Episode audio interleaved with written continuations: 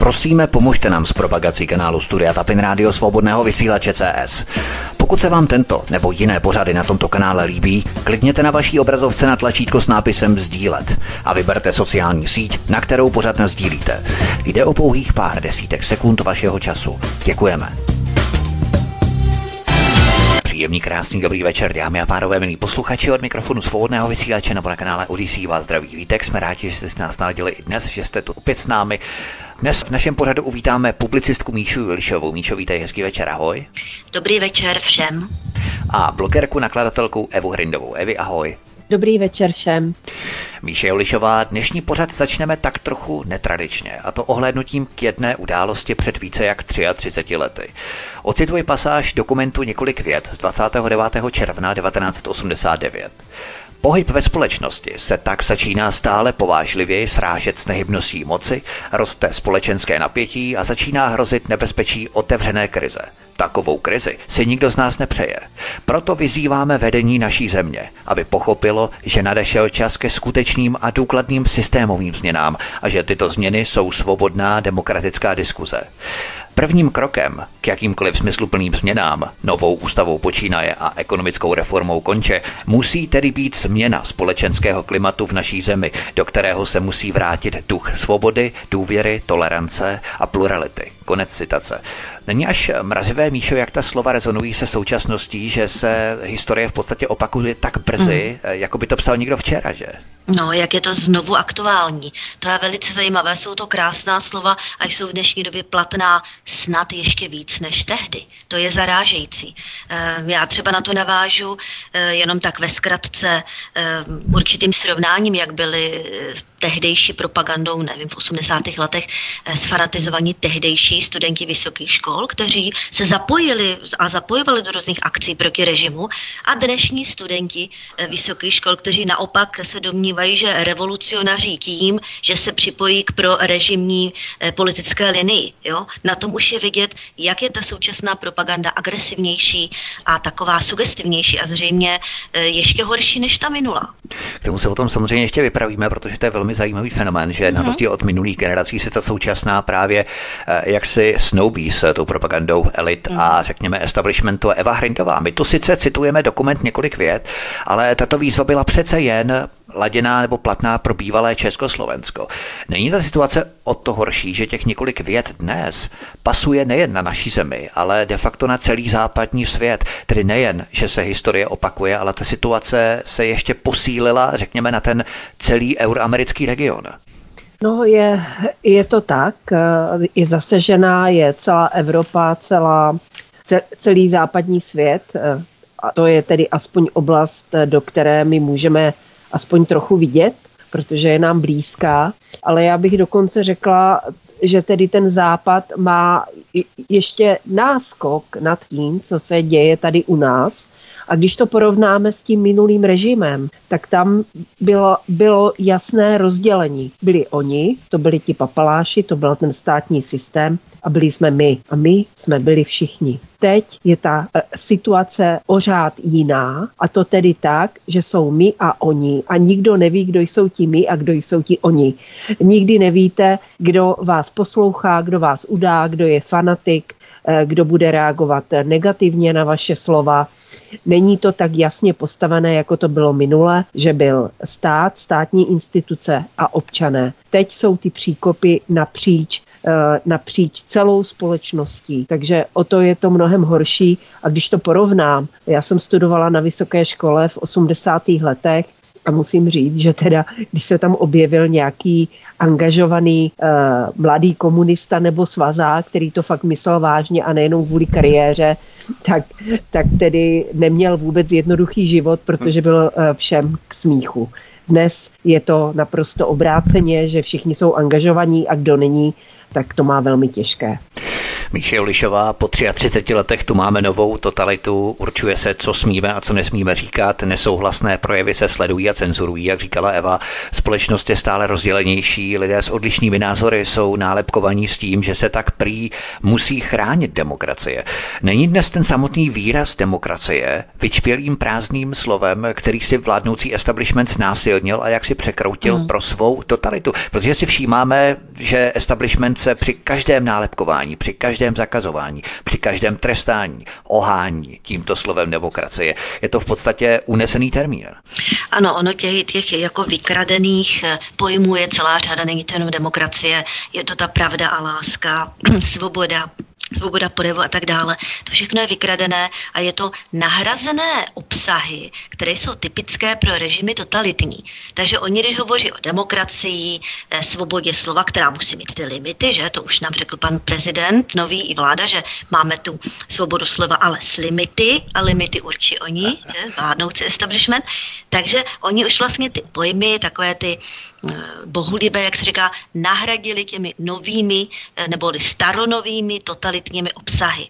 Eh, což o to, ono rozpoznat to lze, a myslím si, že to není složité rozpoznat. Mě udivuje, že tolik lidí jakoby to nerozpoznalo. Tak jsem o tom hodně přemýšlela a došla jsem k názoru, že oni to asi rozpoznali všichni, ale ti, co s tím souhlasí, tak prostě celkově tady s tou politickou linií zřejmě souhlasí. Eh, protože já dost často čtu nebo vidím nějaké komentáře, kde někteří lidé doufají v naději, že jednou lidé prohlédnou a teď budou stěšení nad tím, co, pro, co nějakým způsobem obhajovali, prosazovali, čemu věřili. Já si myslím, že ne.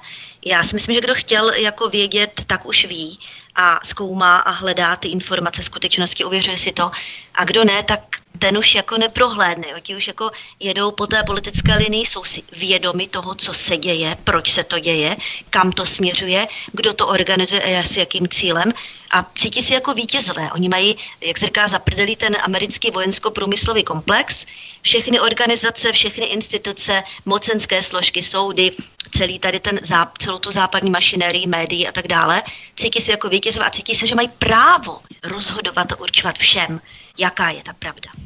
Ono je to v podstatě ta salámová metoda po těch eh, miniaturních kručcích, kdy jsme si nechali nejprve nasadit roušky, potom nasadit respirátory, potom ve školách eh, jsme nechali naše děti nasazovat si roušky po celé hodiny, potom jsme se nechali vakcinovat dobrovolně, všechno dobrovolně, stáli jsme dobrovolně fronty, teď dobrovolně udáváme v rámci jakéhosi fanatismu ohledně nesouhlasu s ukrajinskou angažovaností naší vlády. Pořád, eh, jak si jsou tady ty miniaturní kroky a pokud se společnost nechává stále více zatlačovat do toho defenzivního postoje vládou, tak potom má pořád menší a menší manévrovací schopnosti a uší ten manévrovací prostor, jak se vůči tomu bránit. To znamená, pokud jsme se proti tomu nepostavili na začátku, eh, pořád to bude horší a horší, protože pořád už eh, máme méně těch eh, nástrojů, méně těch kompetencí jako občané, protože salámově jsme si je nechali odebírat. Souhlasíš s tím, Evy? Ano, já s tím souhlasím a musím říct jednu důležitou věc, že tady, kdo je slušný, tak ten prohrává.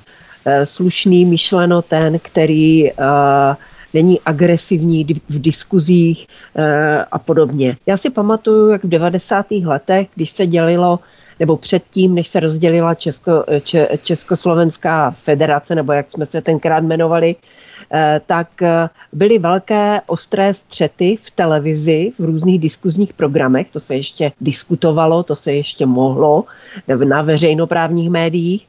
A pamatuju si, jak Václav Klaus starší eh, byl někde, kde se diskutovalo o rozdělení a za slovenskou stranu tam byl nějaký pan Tkáč. A on i mně připadal, že není úplně kompetentní a to nejsem ekonom. A on v té debatě tam něco řekl a Václav Klaus ho, nech, ani nechci říct, že by ho utřel nebo že by mu řekl něco z prostého, to určitě ne, ale on ho prostě tak nějak odignoroval eh, podle hesla, že s některými lidmi nemá smysl diskutovat. A my jsme byli slušní a my od roku 2015 se snažíme pokorně diskutovat, vysvětlovat svoje argumenty. Častokrát vedeme debaty s lidmi, kteří jsou opravdu hloupí, ne, nejsou informovaní a neustále jim dáváme váhu tím, že jsme ochotni tu diskuzi s nimi vést. Já si myslím, že tato doba už skončila a že bychom měli hrdě a sebevědomě přestat být tak strašně slušní. Když někdo plácá nesmysly, tak ho odkázat do náležitých míst. Uh, to je ten důvod, proč jsme se dostali tam, kam jsme se dostali, že jsme se nechali připravit o ty svobody, že jsme nekřičeli, když jsme měli křičet, protože jsme prostě byli příliš slušní. Je fakt, že na naší straně nestojí uh, to zázemí, eh, jaké mají naši protivníci. Nemáme tisíce bohatých neziskovek za zadkem, nemáme za zadkem veřejnoprávní média, nemáme za zadkem obecně média, novináři jedou všichni proti nám, takže e, e, nemáme ani, ani ten, tu možnost to jistě víte na svobodném vysílači, že eh, eh, naši lidé eh, nejsou tak štědří jako podporovatelé třeba milionu chvilek, hmm. takže máme to, máme to mnohem těžší, ale myslím si, že už bychom s tou slušností s tím respektem k hlupákům asi měli přestat. Míše Ulišová, v závislosti na vyprázdnění pojmu demokracie sledujeme i vybičovanou rusofobii.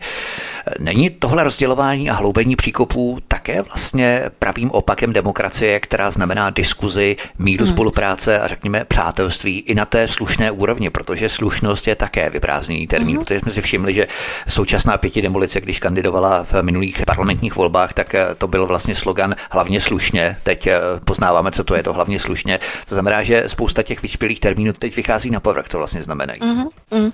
No to už jsem letmo zmínila předtím. Um, oni nechtějí diskuzi. Teď oni nechtějí diskutovat s kritiky. Teď to vidíme, když se odehrává nějaká demonstrace, ať už vede kdokoliv, vždycky je označena jako já, dezoláti a, a lidi, kteří a mají exekuce a nemají zuby a, a jsou to všechno rusofiliové, jo, prostě a takový, prostě strašným způsobem je tady tohle toto dehonestované. Oni nemají zájem s kritiky, s kritikou, s oponenty vůbec hovořit. Oni se opravdu cítí jako vítězové. Oni se prostě tady letargivně se přidali k té straně, která teďka tady u nás vítězila. Mají ten, jak jsem říkala, americký vojensko-průmyslový komplex za zadkem. Oni to cítí, tu sílu, která tady prostě je, má to ošéfované celé, tu dobyvačnou sílu agresivní a myslí si, že, že budou diktovat. Oni nebudou diskutovat, oni budou diktovat a to se zpřísňuje. To vidíme v poslední době, jak prostě přituhuje. Jo? Jak opravdu ta totalita teď už získává vyloženě tu svou podobu. Už to nejsou náznaky, už je to konkrétní. Míše Lišová, my jsme začali citací z výzvy několik věd, tak kdybychom zůstali u těch historických paralel, není tato historická rusofobie oživováním jakési kolektivní viny, kterou jsme naposledy zažili za druhé světové války? Hmm. A právě to je znakem té totality a ne demokracie. Ano, to je také, to jsi řekl velice dobře, Vítku, to je jeden ze znaků totality, kolektivní vina. Jo, prostě automaticky, buď, a přijmeme si, jak je Liptarg, jak to vidí černobíle. Jo, ještě předtím, než vznikl tady ten konflikt na Ukrajině, tak většina z nich těmi Ukrajinci jako pohrdala, vysmívali se jim a, a když tady pracovali nějaké ty těžké práce, tak prostě jako podřadně lidi. Ale jakmile ta politická linie se otočila a prostě máme zaujmout nějaké to další správné stanovisko, tak přijali vyloženě tady to černobylé vidění. Co Ukrajina, to režim prostě naprosto úžasný. Co Ukrajinec, to vzácný člověk, kterého musíme hostit, ctít, milovat. Co Rus, to darebák, to zlý nějaký, uh, nějaký živel, kterého musíme odsoudit. Jo? Kolektivní vina, špatnosti a na druhé straně zase kolektivní prostě výsluní toho nejlepšího. to je tak legrační, to je, to je karikatura sama sebe, to je groteskní tohle totok. No a oni to myslí vážně, ale. Eva Hrindová, myslíš, že je to z větší části ovlivněné i novou generací mileniálů. Proč o tom mluvím? Protože to si přesně zmínila už možná na začátku, Míša v tom taky pokračovala, protože my jsme ještě zažili svět, kde se diskutovalo. A dnešní děti už vyrostly ve světě, kde je každý projev nesouhlasu tvrdě trestaný. A některé z nich ani netuší, že by to mohlo být jinak. Myslíš, že tohle klima k tomu značně přispívá, Evej? Určitě ano a velký vliv na to má vlastně i moderní výchova.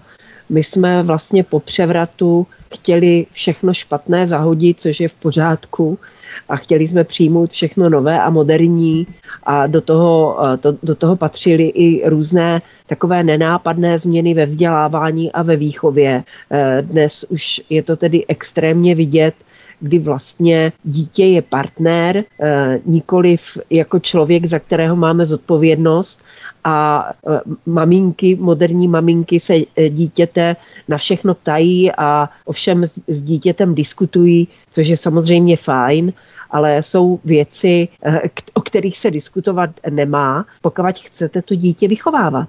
A součástí té výchovy je samozřejmě i respekt ke starším generacím. A když se podíváte na současné mladé, kteří eh, demonstrují za, za vyhození jejich profesora na vysoké škole. No my jsme na vysoké škole měli také profesory, kteří se nám nelíbili ale ani ve snu by nás nenapadlo, že by jsme, že by jsme je chtěli odvolávat nebo něco podobného.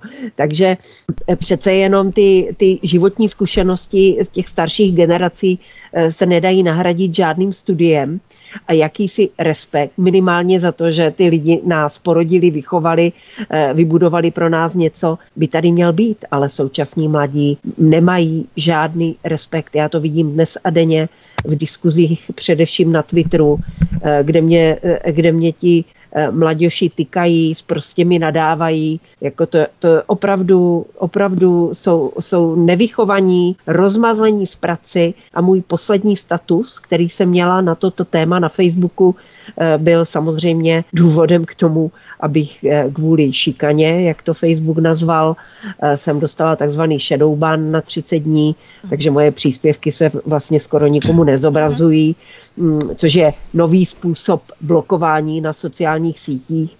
Takže eh, Samozřejmě, když někdo tyto mladé na to upozorní, na to, jak jsou nevychovaní, tak eh, jsou hrozně uražení. Oni mají pocit, že ta mladost je hodnota a uh, myslím si, že to vidíme i u těch mladých novinářů, vidíme to u těch mladých aktivistů, u mladých politiků. Uh, oni v podstatě se chovají velmi, velmi neslušně a nevychovaně a e, nerespektují žádné autority, respektují jenom sami sebe, protože tak byli oni vychováváni a k tomu je vedli i ve škole. Oni si myslí, že rebelují, jakoby, že to je vlastně ta revoluce, to, jak oni tam mluví nebo píší takhle vulgárně, tak oni vlastně revolucionáři, oni tímhle rebelují pro systém, pro systémově rebelují. To je absurdní, že? Je to v podstatě rozeštvávání generací, k tomu se potom taky ještě dostaneme, mm. ale eh, já si myslím, že ten míč je na obou stranách, protože ono stížnosti vůči nerespektování autority a takové ty atributy toho režimu, na to si stěžovali už staří řekové, že, že mladí nerespektují mm. starší a tak dále, ty generační rozdíly jsou patrné v každém režimu, v každém období, řekněme, historie, ale já si myslím, že ten míč je i na obou stranách, protože mnohdy i staří lidé, eh, seniori se v MHD, v městské hromadné dopravě třeba chovají k těm mladým opravdu neurvalé a velmi jako gaunersky. Jo. Já jsem to sám mm. zažil i několikrát, kdy eh, byla fronta v eh, MHD, já nevím, kde to bylo, jestli v autobuse, před autobusem a důchodce za mnou mě šťouchal holí schválně, jo, já jsem se na něj co to dělá, tak on řekl, mm. že ať, ať jdu dál a co, co tady pořád courám a tak dál. To znamená, že ti hmm. lidé se často chovají neurvale i vůči těm mladým. Jo. To znamená, já si myslím, že eh, to rozeštvávání generací i podněcování jaksi těch seniorů, že ti mladí neposlouchají, že nerespektují autority a zase těm mladým, zase naopak vůči těm starším, že jsou netáhla a dědeček, babička ujídají chlebíčka, takové ty keci. Jo, tak eh, já si myslím, že to rozeštvávání generací asi působí jaksi na obou stranách. No já si my, ano, je to pravda. Spousta seniorů je nerudných a naštvaných a, a zlých. To jako si nebudeme nalhávat, eh, ne, že ne. Vadí jim, když si venku děti hrají a no, dělají hluk a podobně.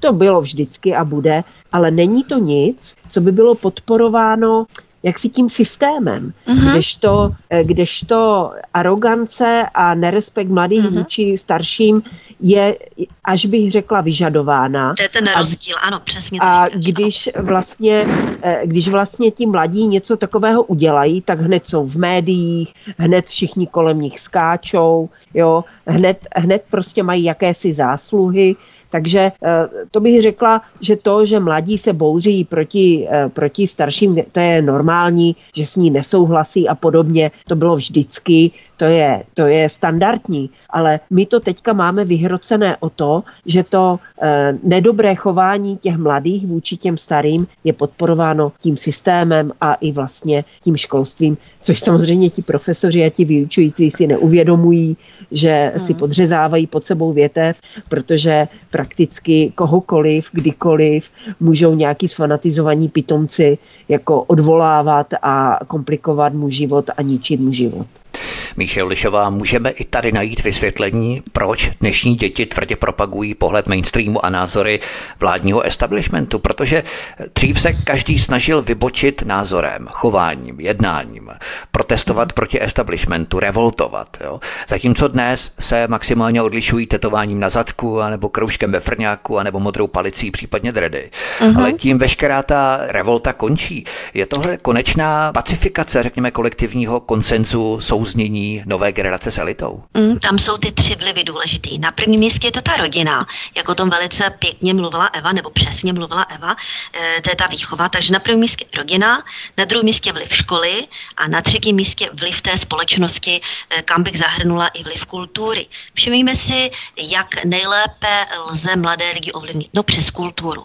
To znamená, že přes veškerou kulturu, jak jsou to klipy, jámky, influenceři, e, všechny, všechny možné ty věci, které jsou dělané pro mladé, přednášky, indoktrinace ve školách a tak dále, různými neziskovkami. Takže od mládí, od školních, od raných školních let jsou tyhle mladí lidé indoktrinovaní jedinými pravdami a chodí tam takový ti šikovní lidé a mají teďka všichni ty úžasné čepice a tašky a oblečení jsou moderně a, a prostě jsou to jako, jsou tak in a teďka ještě vidí na tom YouTube, jo, všechny a Tito lidé na ně mají velikánský vliv a oni jsou placeni za to, nebo placeni, dostávají poměrně hodně peněz za to, když prosazují politickou linii, samozřejmě uh, ještě takovým tím výrazem a těmi slovy, aby to na té mladé a malé lidi uh, co nejvíce zapůsobilo. Takže toto je ohromný vliv, kulturní vliv, jo, to vlastně to je, převa, jsou převálcování jednolitou kulturou, Eh, ve škole, no tak to už jsem říkala, tam je to jasné, tam vede jenom,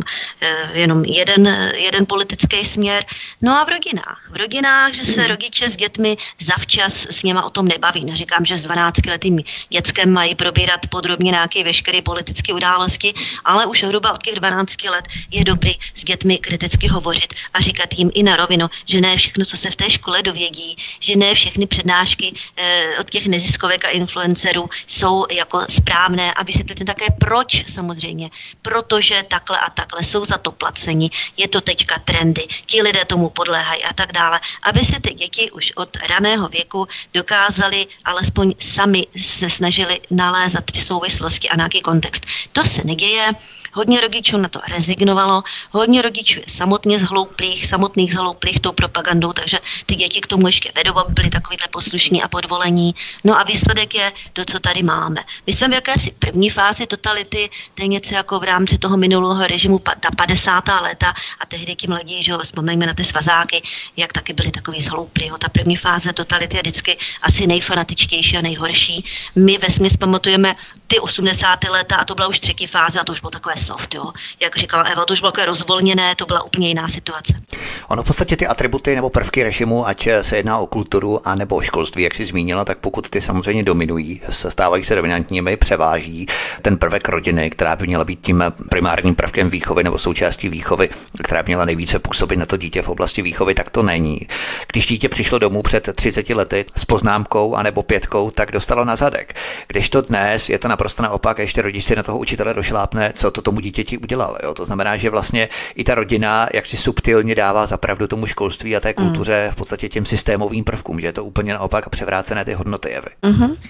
No je to tak a já bych řekla, že nejvíc ďábelským nástrojem propagandy dnes je Netflix. Uh-huh. Proto já jsem tedy, já Netflix, uh-huh. já Netflix nemám, ale já to vidím, že i novináři si na Twitteru píšou, jaký, který sledují seriál a podobně. A vidím to ve svém okolí, jak to ty lidi úplně nekriticky všechno sledují ty seriály, úplně si tím nechávají vymývat mozek. A samozřejmě, když dítě vidí, že jeho rodiče eh, přebírají názory tady z těchto médií, no tak si myslí asi, že je to tak správně. Za nás, za nás přece jenom nikdo, nikdo, nikdo ten mainstream, což bylo rudé právo, rudé právo a program České televize ČT, Č, Č, České televize jednička a dvojka. ČTV 1 F2, že? Ano. No, nevím už, jak se to přesně jmenovalo, ale a jedno vysílání rádia byl radiožurnál, že to nikdo nebral vážně, ty politické zprávy tam. Každý si doma pouštěl svobodnou Evropu. A hmm. my jsme od malička věděli, že si musíme ty informace hledat z více zdrojů ale dneska se to na ty lidi valí ze všech stran, zleva, zprava. A ta propaganda, když se podíváte na staré filmy, tak tam žádná propaganda nebyla. To byly příběhy o lásce nebo o hrdinství nebo dobrodružné filmy o dobru a o zlu. A té propagandy tam bylo minimum. Ale dneska, když se podíváte mm. na jakýkoliv hollywoodský film, tak je to prošpíkované mm. propagandou od zhora dola, od zhora na e, prostě celým tím filmem. Mm. Minimálně v tom, že záporná postava je Rus. A tohle se těm lidem valí do mm. hlavy od dětství. Proto já už dneska nechodím vůbec do kina, a kdybych měla děti, tak bych jim to nedovolila a radši bych je hnala někam ven e, do lesa nebo já nevím, eh, co nejdál od tady těchto prostředků toho masového vymývání mozku. Je to těžké se tomu ubránit, ale to je, to je ta příčina. Ono stačí, když se podíváte na malé dítě, eh, na malé dítě třeba do pěti let věku, Eh, když před něho pustíte televizi, tak mu okamžitě jako kdyby se vypnulo to dítě. Jo? A jenom fascinovaně hledí a úplně prostě úplně se mu změní ten způsob toho vnímání té reality. Takže do pěti, do šesti let eh, já bych děti vůbec, vůbec jako k televizi, k počítačům jako nepouštěla. My teďka ženeme výsledky toho, toho té informační hostiny, eh, kterou jsme považovali za přínos nové, nové společnosti a nedošlo nám mnohým, že, eh, že možná za, za tím, co na první pohled se jevilo jako bohatá hostina, eh, že je to vlastně něco, co nás uvrhává do bídy a do zmaru. Ono je to pravda, že ty atributy těch filmů, seriálů, hlavně pohádek, tak eh, já mám pro sebe jaksi portfolio vybraný základní nějaký soubor eh, oblíbených filmů, seriálů a ty třeba jedeme občas eh, nostalgicky a ty nové v podstatě ani nepouštíme, jo. Ale když to uvědomíme vlastně i ty pohádky, jak je tam násilí a těch prvků násilí a tak dále, dříve to byl večerníček, hajaja, zpívánky, ju a hele, jo. takové ty věci, které byly opravdu nenásilné a nepropagandistické. Dnes je to naprosto jiného, protože tam jsou pořád samý upí upíři. Já když to vidím, jo, to je něco neuvěřitelného, tak eh, v podstatě ty pohádky už ani nejsou o té lásce, o té kráse, ale v podstatě jako by se tam oslavovaly ty kulty satanismu, kulty jakéhosi, já nevím, až hnusu, jo. Prostě mm. to nejsou takové ty hezké, laskavé pohádky, na které jsme byli zvyklí, kde to dobro vždycky zvítězilo nad tím zlem, jak jsme viděli, jo. Mm. Míšo. Je to tak? No, oni to právě valcují hodně ty mladé přes tu kulturu, jak už jsem říkala, to je ono. To jsou všechny ty filmy, eh, videoklipy, eh, influenceři, reklamy, eh, přednášky ve školách a tak dále. Jo, to je všechno kultura. Přes tu kulturu se nejsnáze mladým, dost, mladým dostanou do hlav a nejsnáze je vlastně vytvořit, udělat ten brainwashing. No, já můžu tady, můžu tady říct i jednu, jednu zkušenost, kterou jsem v posledních dnech udělala ze školy. Ano, od, hm, od, od od mé vnučky, která chodí do první třídy, nebudu jmenovat, kde ta škola je, ani nebudu jmenovat tu neziskovku, ale ona vnučka si uh, uh, vyptala nějaké peníze, že budou ve škole prodávat nějaké magnetky, No a tak dostala asi pár drobných, nějakých 20 korun a koupila si nějaké magnetky se štěňátkama a se zvířátkama a dcera pochopila z těch magnetek, že to prodává nějaká charitativní organizace a že ty peníze, které takto vybere, potom jdou na nějaké nemocné děti. Tak si řekli, OK, no tak je to sice trochu zvláštní, že to jde přímo eh, těm dětem, No a pak přistihla, přistihla vnučku, jak si kramuje svoji vlastní pokladničku tajně, aby to rodiče nevěděli, protože si chtěla koupit ještě další věci. Mm-hmm. Všelijaké propisky a nějaké hlavolamy a já nevím. Malovánky, no jasně, no to jede ve velkým tohle. No a uh, dcera se potom pídila mm. uh, a zjistila, že opravdu zástupci té neziskovky normálně chodí do hodin vyučovacích Uh, rodiče o tom vůbec neinformují učitelé, protože jim to nenapadne, že by o tom měli informovat, informovat rodiče. Eh, jedna učitelka v kabinetu má pokladničku a tam ty děti si to potom chodí kupovat. A e, všem to přijde docela jako normální a nikoho nenapadne, že je to brutální e, zneužívání emocí těch dětí. Jasně, oni, sam, jasně. oni samozřejmě chtějí, chtějí podpořit nějaké hmm. nemocné děti. Teď samozřejmě oni chtějí ty magnetky e, s těma příjemnýma obrázkama štěňátek a koťátek a zvířátek. Jo, jo. Jo. Mně to přijde, že se z té školy stalo už eh, nebezpečné prostředí, protože tam opravdu na ty děti se valí takové strašné věci. Teďka si eh, uvědomte, že někdo třeba nemá 100 korun na to, aby si koupil pět magnetek, jo? Mm. Že kor dneska, že a teď co se bude cítit, jako že nemůže pomoci té nemocné holčičce mm-hmm. nebo chlapečkovi. Já si myslím, že toto ve školách by vůbec nemělo být ale uh, evidentně to nenapadne, že je to špatně. Už ani ty učitelé, ani ty rodiče mm. už to všechno přijali za své a není z toho na první pohled prakticky úniku. Když si uvědomíme, že pětina dětí v podstatě nemá na obědy, na školní no. obědy, no. což byla ta poslední statistika, tak to je ještě mnohem cyničtější záležitost. A my se k tomu samozřejmě budeme eh, vyjadřovat i dál, budeme pokračovat po písničce, protože si zahrajeme teď. Eh, publicistka Míše Ulišová, blogerka, nakladatelka Eva Hrindová jsou hosty u nás na svobodném vysílači nebo na kanále Odyssey. Od mikrofonu vás zdraví Vítek.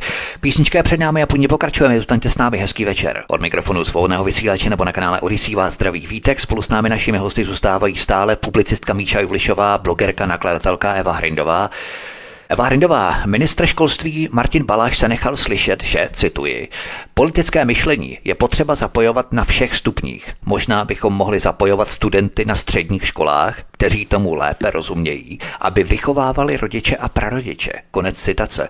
Co na to říkáš, Evi, že 16-letá děcka by měla vychovávat své rodiče a prarodiče, protože tomu podle ministra školství lépe rozumějí? To, to už je vrchol to už je vrchol a to je přesně to, o čem jsem mluvila před chvilkou, že vlastně tu aroganci té, toho mládí vůči tomu stáří podporuje ten systém.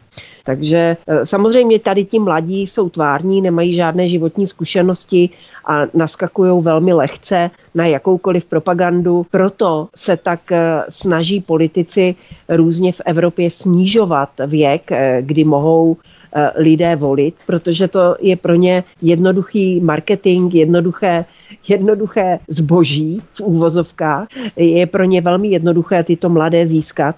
Ostatně bylo to vidět eh, v prezidentské volbě, jak se podařilo Danuši Nerudové, která je absolutně prázdná nádoba, za kterou nic není, eh, kolik ona měla mladých podporovatelů a jak až fanaticky ji oni podporovali a dokonce teďka snad uvažuje, že bude zakládat politickou stranu.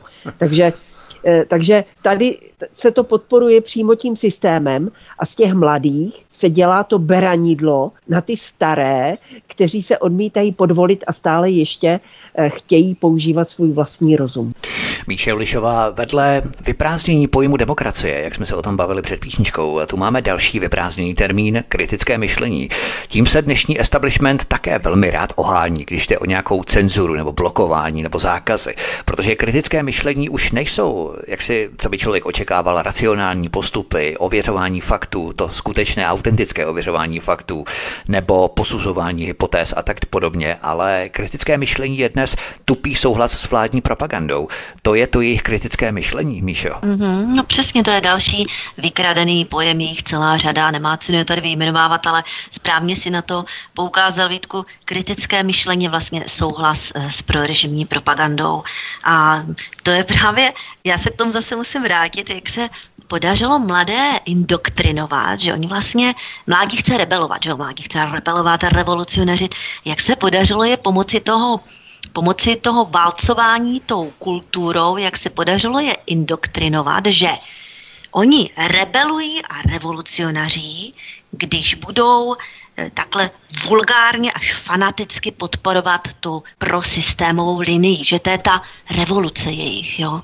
Oni vlastně oni dělají revoluci, páchají revoluci v pátek, Fridays for Future, ale to no. je také systém. To není oni, revoluce oni proti dělají, ano, systém. Oni, jo? oni dělají revoluci jako proti těm kritikům. My jsme jako ti, ti no. nebezpeční kritici toho systému, to jsou ti ty proruské živly, ti dezoláti a oni vlastně dělají revoluci proti kritikům režimu, protože režim je správný, eh, propaganda je čistá pravda, přece by nám nelhali, že, když jsme tak vzácní lidé, jo, to je zase ono, to je zase ještě další jo, odbočka k tomu ti mladí lidé jsou vychováváni tak, že vlastně oni jsou vlastně jako nejchytřejší a nejlepší a neumilní, než jsou to vlastně vzácní lidé, že no a takhle vzácným lidem by přece nikdo nelhal, to přece ani nejde, to je jasný, ne, to dá rozum. Jo, takže vlastně té arogance, pícha ve spojitosti s hloupostí a to dohromady tvoří takový koktejl, který vidíme no, tady u těch lidí, kteří, hmm. kteří ten, tento režimní politiku a propagandu takhle e, prosazují pořád. No. Eva Hrindová, my jsme se tu bavili o tom, že samotná vláda záměrně pěstuje poštvávání dětí proti rodičům a i manželů proti sobě navzájem, protože vláda tohle dnes potřebuje ke své mengeleovské reformě penzí, takže se vytváří představa, že ten problém není ani v nesmyslné vládní rozmařilosti, ani ve financování cizích válek, ale že tou žábou na prameni jsou lidé nad 60 let, že za všechno můžou důchodci. Vláda prostě nemá pozitivní vizi, tak zbývá jenom nenávist a poštvávání generací proti sobě navzájem, Evy. No, je to tak a když vzpomeneme tady eh, na tu, pen, na tu penzijní reformu nebo na to zrušení té valorizace, tak je velmi pikantní, že vlastně církevní restituce mají také valorizaci a letos to bude nějakých 50 miliard, eh, hmm. co se týče těch valorizací a nějakých 19 miliard pro naše důchodce jsme museli tady udělat peklo na zemi eh, v parlamentu, ve společnosti, mezi lidmi, aby, aby jsme ušetřili 19 miliard a vedle toho 50 miliard, nebo nevím přesné číslo, ale je to, eh, je to víc než ta valorizace na těch důchodů. Takže to je takové pikantní. A ještě k tomu, o čem jsme se bavili minule a s tou vládou, ty jsi to teďka otevřel, eh, já se nemohu zbavit dojmu, že naše současná vláda, a já to sleduju vždycky v neděli eh, v těch diskuzních programech, ty vládní politiky, tak oni pro mě jsou jak ti mladí. Lidi si je tam zvolili bez toho, že by za nima cokoliv bylo, cokoliv. A oni teďka, oni uměli akorát kritizovat. To ti mladí umí všichni krásně kritizovat. Oni všichni všechno ví, všechno kritizujou ale pustte je k nějaké konkrétní práci a neudělají vám nic. A to teďka vidíme v té vládě. To je něco naprosto, my jsme takový pitomci, ten český národ. To není nikde v Evropě, aby se takový ubožáci dostali do vlády, kteří eh, ministr Stanjura, ministr financí, elektrikář, neuspěl úplně jako starosta někde v Opavě. Jo, teď dělá ministra financí, blábolí úplné nesmysly. Jak říkám, já nejsem ekonom, ale i já jsem schopná poznat, že, že melou dvě na tři, skáčou od jednoho tématu ke druhému, nemají tam žádnou koncepci. Prostě lidi, kteří v životě nikdy nic pořádně neudělali. Takže já pořád si kladu otázku, že a vidím to, vidím to, že jak je možné, že, eh, če, že naši občané zahodili veškerou ostražitost a už nejsou schopni ani posoudit eh, člověka, který je schopen něco konkrétního udělat. Jo. Přece ten člověk musí být v konzistenci se slovy i s činy, ale my jsme to už zapomněli posuzovat a pak se k nám dostanou do vlády takovýhle, takový nemrcouši, takový neumětelové a samozřejmě nás to všechny poškodí. Já znám dost lidí, kteří volili eh, představitele pěti koalice a teď se diví, no ale měli si to trošku víc rozmyslet předtím, než, než ty lidi tam vyslali do té vlády. Já si myslím, že ta predikce byla naprosto jasná a lidé mohli anticipovat, eh, předvímat, eh, jakým způsobem eh, budou tito lidé provádět svou politiku. Nicméně poštvání generací proti sobě navzájem a školský rezort se tak nějak smísí a snoubí mezi sebou. To je jasné, my v tom budeme samozřejmě dál pokračovat. Míša Lišová, hovořili jsme o vyprázdnění pojmů jako kritické myšlení nebo demokracie, které dnes znamenají antonymum, to znamená naprostý hmm. opak toho svého významu. Pro nikoho je to možná opakování stokrát věřčeného, ale z toho, co sleduji, k nám přichází obrovské množství nových lidí, kterým děkujeme, že nás posloucháte. My si toho velmi vážíme a jsme velmi rádi, že nás poslouchá stále více nových lidí a proto je důležité to stále vysvětlovat. Není dalším vyprázdněným termínem i pojem dezinformace, protože podle ministra školství učitel, který nepozná dezinformaci, nemá prý co dělat ve školách. Takže systém si vybírá slova, která ustavičně driluje pořád dokola demokracie, kritické myšlení nebo dezinformace. A to je tak pořád dokola a v podstatě hmm. to proniká právě i do toho školství, což je velmi nebezpečné.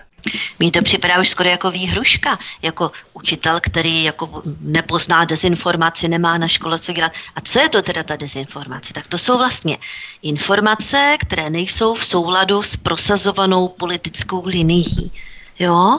Že oni už ani tak nějak nerezignovali na jako, jestli má smysl hledat jako nějakou pravdu, eh, ty skutečnosti a ty děje nějak ověřovat, to už nikdo ani nepřipomíná. Máme tady jednotnou politickou linii, ta je prosazovaná vládou, médií a vlastně celou vlastně tu západní mašinerii politickou a to jsou, to, co říká ta propaganda, to jsou ty informace. A v rámci této této linie, v rámci tohoto pruhu pravd jediných čistých musí ti učitelé jako informovat ty děti. No a kdo nebude, kdo tam zmíní něco jiného, na co přišel při svém ověřování skutečnosti a informaci, tak to už je ta, to je ta dezinformace, to je špatný. To je toho brnknout přes prsty nejdřív takového učitele, to je fuj. Jo, a potom ho už třeba i vyhodí z práce, pokud to bude pokračovat.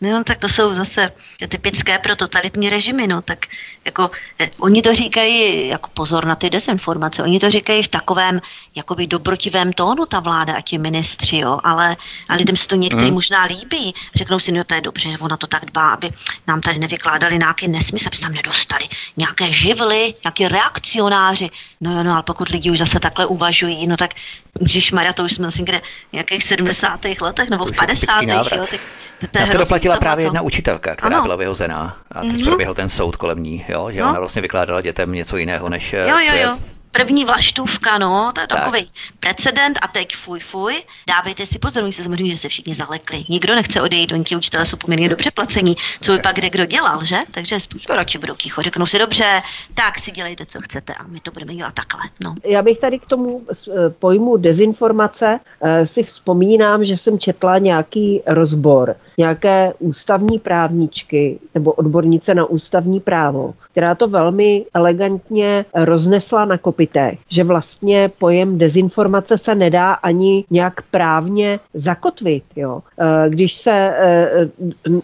protože co to je dezinformace? My máme samozřejmě v nějakém trestním zákonníku nějaké trestné činy, když někdo záměrně lže nebo poškozuje čest nějakého člověka tím, že o něm záměrně lže. To mm-hmm. jsou, nebo když tisk píše, tak tam máte právo na nějakou opravu a podobně ale to jsou věci, které, které, eh, kde, kde jsou eh, šířeny lži. To je naprosto jasné, eh, když to, to, to každý chápe. Ale co to je pro boha dezinformace? Vždyť se podívejte, že pojem dezinformace se používá na věci, které jsou názorové.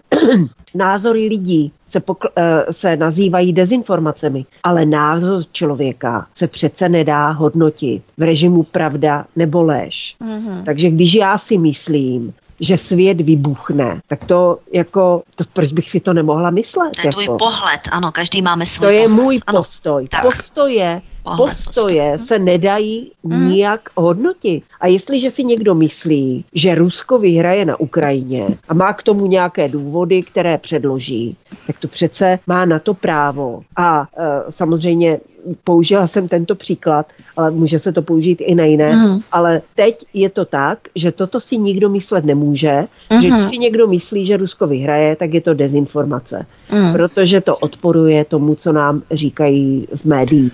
Mm. A to je přesně to, co si myslí, protože novináři tyto informace rádi zapracovávají do takzvaného hybridního spravodajství, což je spravodajství, kde jsou nejenom fakta, ale ta fakta protkávají i jejich názory, což je právě to špatně, jak si se mísí. Už to není spravodajství, čistá zpráva, čistý fakt, ale jsou tam právě informace, které jsou přímo ale, um, jaksi jejich názory. Ale oni pořád s tím operují, s těma dezinformacemi, ale my na to nemáme, vlastně legislativně to nemáme definované, co to mhm. vlastně dezinformace je. A já chci vidět, jak se budou s, tem, s takovými dezinformátory jako soudit. Za co? Nemají oporu absolutně v ničem. A e, teďka jsem slyšela nějaký rozhovor a e, nějaký borec tam vyprávěl, že vláda už má připravený nějaký návrh nějakého zákona, aby měli oporu v tom, když chtějí vypínat ty weby. A mm-hmm. tam v tom, zá, v tom zákonu budou muset, budou muset to definovat. Budou muset definovat, co to je ten dezinformační web. Jak se to pozná, že je dezinformační? Na základě čeho?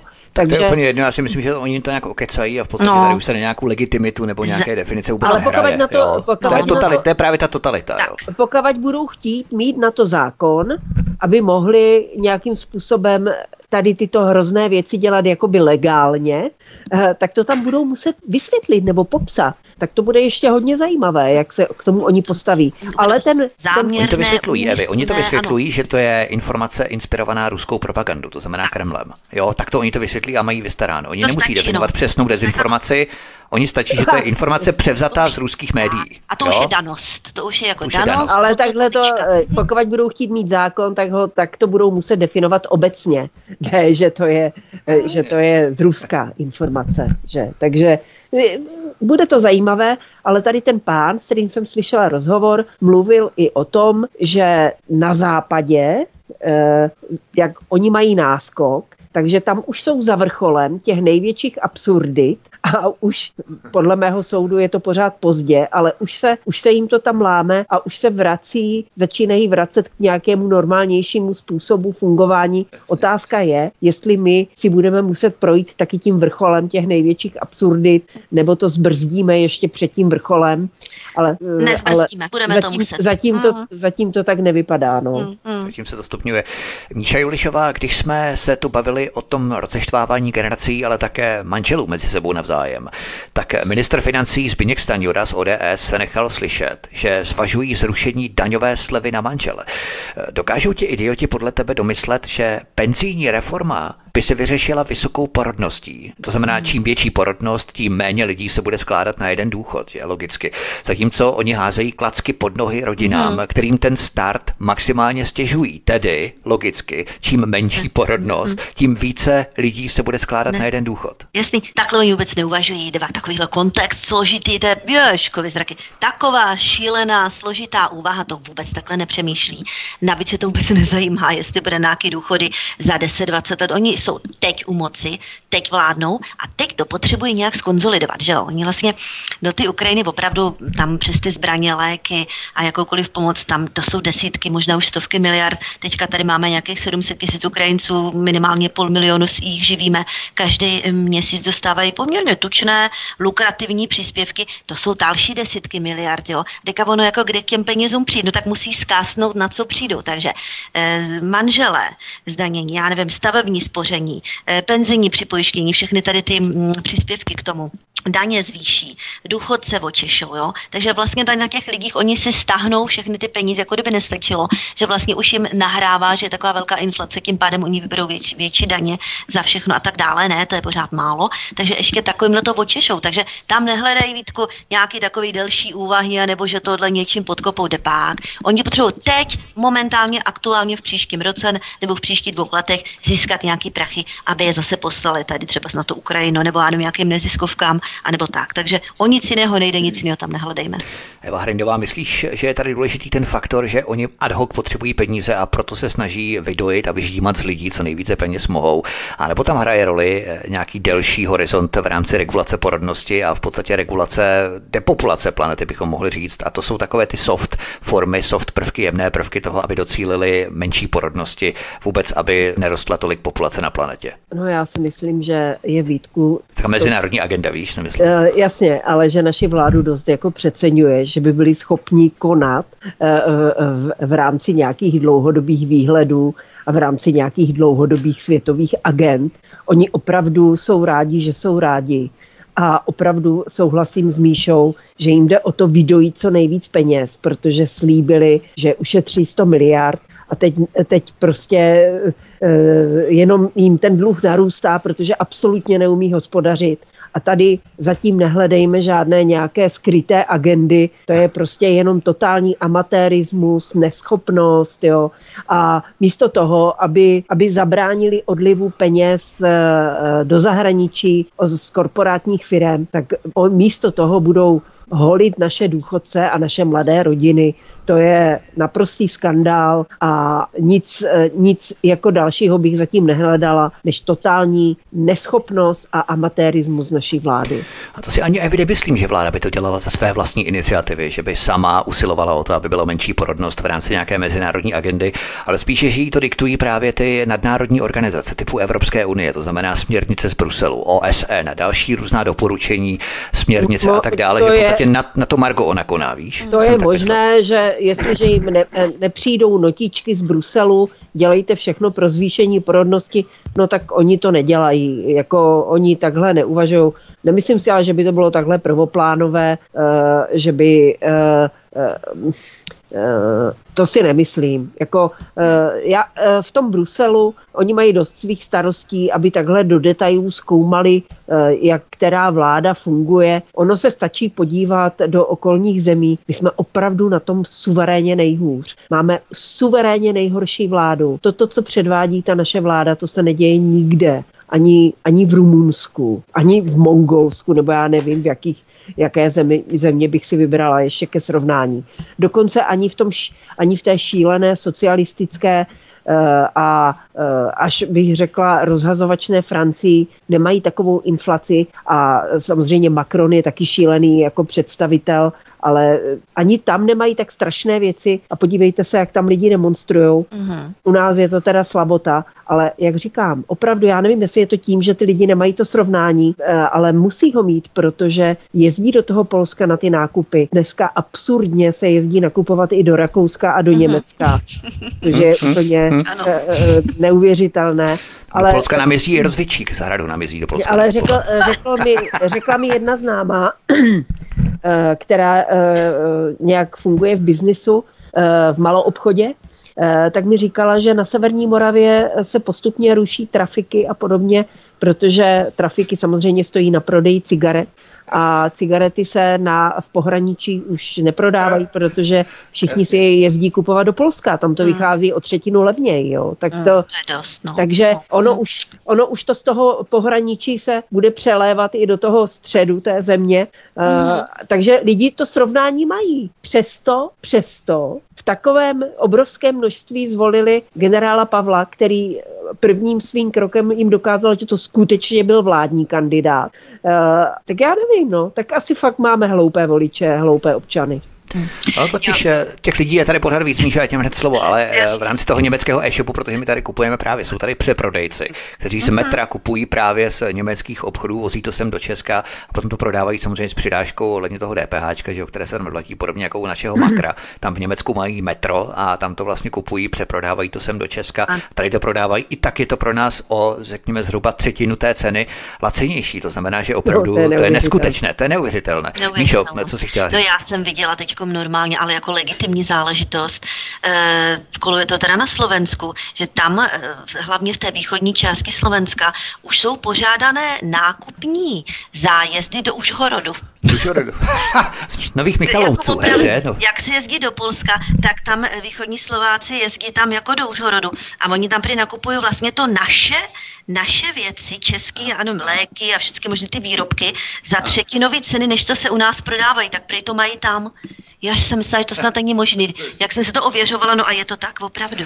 Ten autobus dokonce jezdí z České republiky, já nevím, z Nových Vranovic, nebo jak se to jmenuje? Odsud? No to, Odsud, ten za, za 10 euro mám takový pocit. Já jsem to viděla ze Slovenska, protože tam se jim to vyplatí. A že prý tam nakupují české výrobky a za třetinu ceny, než to jsou u nás tady. Hmm, hmm. No, takže my to tam prostě vozíme v, v kamionech zadara, viď? proto tady léky nejsou a nic není. A všechno musí stát pětkrát tolik, protože musíme to zaplatit za, ty, za, ty, eh, za to, že to vozíme tam. No tak milí posluchači, kdo potřebujete panadol, penicilín a tak dále, stavte se na Ukrajině, možná tam jo. ještě budou mít v rámci těch našich kamínů, které jsme tam dovezli, u nás to není. Nicméně Míša Ulišová ještě před písničkou, předtím, než se vypravíme k dalším agendám po písničce, tak pokud bychom to shrnuli. Vláda hledá co a kde by lidem ještě sebrala. Stavební spoření osekáme, mm-hmm. inflaci necháme růst až do nebe a Ukrajině dáme všechno, co máme a ještě se kvůli ní mhm. zadlužíme desítkami miliard. A kdo s tím samozřejmě nesouhlasí, je dezolát. Neměli bychom dát premiéru Fialenkovi za pravdu s výrokem, že jsme ve válce, protože ano, jsme ve válce, ale proti vlastní vládě, respektive vláda ve válce s námi. Takže ten výrok jsme ve válce je v podstatě pravdivý. V podstatě pravdivý, já nemám nic proti pomoci, ale toto jako už, to už není pomoc, to už je, to už je fakt jako hrůza, když takhle musí vlastní občany takhle jako dřít ve všech směrech, jo, kam se člověk podívá, aby to prostě vyvezli dál a nevím, jakým způsobem eh, to hodlají tady v tomhle tom pokračovat, ale je pravda, že nikde v Evropské unii se to takhle moc neděje. Na druhou stranu jsem četla normálně v mainstreamu, že u nás máme nejvíc Ukrajinců na počet obyvatel naší země, to znamená, že opravdu k nám jo, víc než v Německu, takže na počet obyvatel České republiky, tak máme zdaleka nejvíc Ukrajinců, jich tady přes už 700 tisíc oficiálně, neoficiálně to už ani, to už asi ani nikdo nebude počítat, no. nikdy. A minimálně těch, těch půl milionu teda bere tady ty sociální dávky každý měsíc, což je už po dobu jednoho roku, což je jako taky opravdu strašně vyčerpávající pro ten sociální systém. Proto se taky mm, vlastně ta vláda zhání ty peníze, kde jenom může. Jo, já si myslím, že oni se snaží takhle vydobít ty prachy z měsíce na měsíc, jakož to mm, Eva říkala, jo, oni jo, vydřít z těch lidí, tak kde ještě, co ještě, jo, jak to ještě uděláme, e, koho odrbeme, jo, kde nepřidáme, jo, teď jsem četla, že se bouří i nějaká filozofická fakulta, že tam měli dostat přidáno a nedostanou, no tak těm to samozřejmě dají určitě, protože oni potřebují v těch vysokých školách mít ty opory, že? Jo, takže takhle jsem to chtěla říct, no. Dokonce vláda zvažuje i odebrání nebo částečně snížení výsluh policie i armády. Jo? Mhm, a no, no, to no, znamená, že vláda, jak je naprosto opojená tou mocí, jo? oni v podstatě odrbou i policajty a příslušníky armády, protože oni si neuvědomují, že vlastně oporou všech totalitních vlád jsou mocenské složky, železná pěst režimu, že to jsou vždycky vojáci, policajti.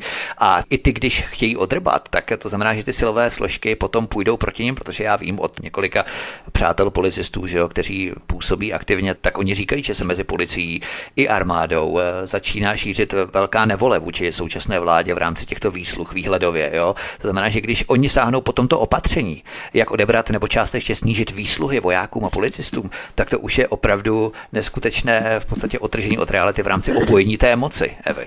Samozřejmě to je, to, to, ale tak za druhou stranu si říkám, jen houšť a větší kapky, aspoň ti policisté si uvědomí, že krýt takovou vládu je opravdu nemorální.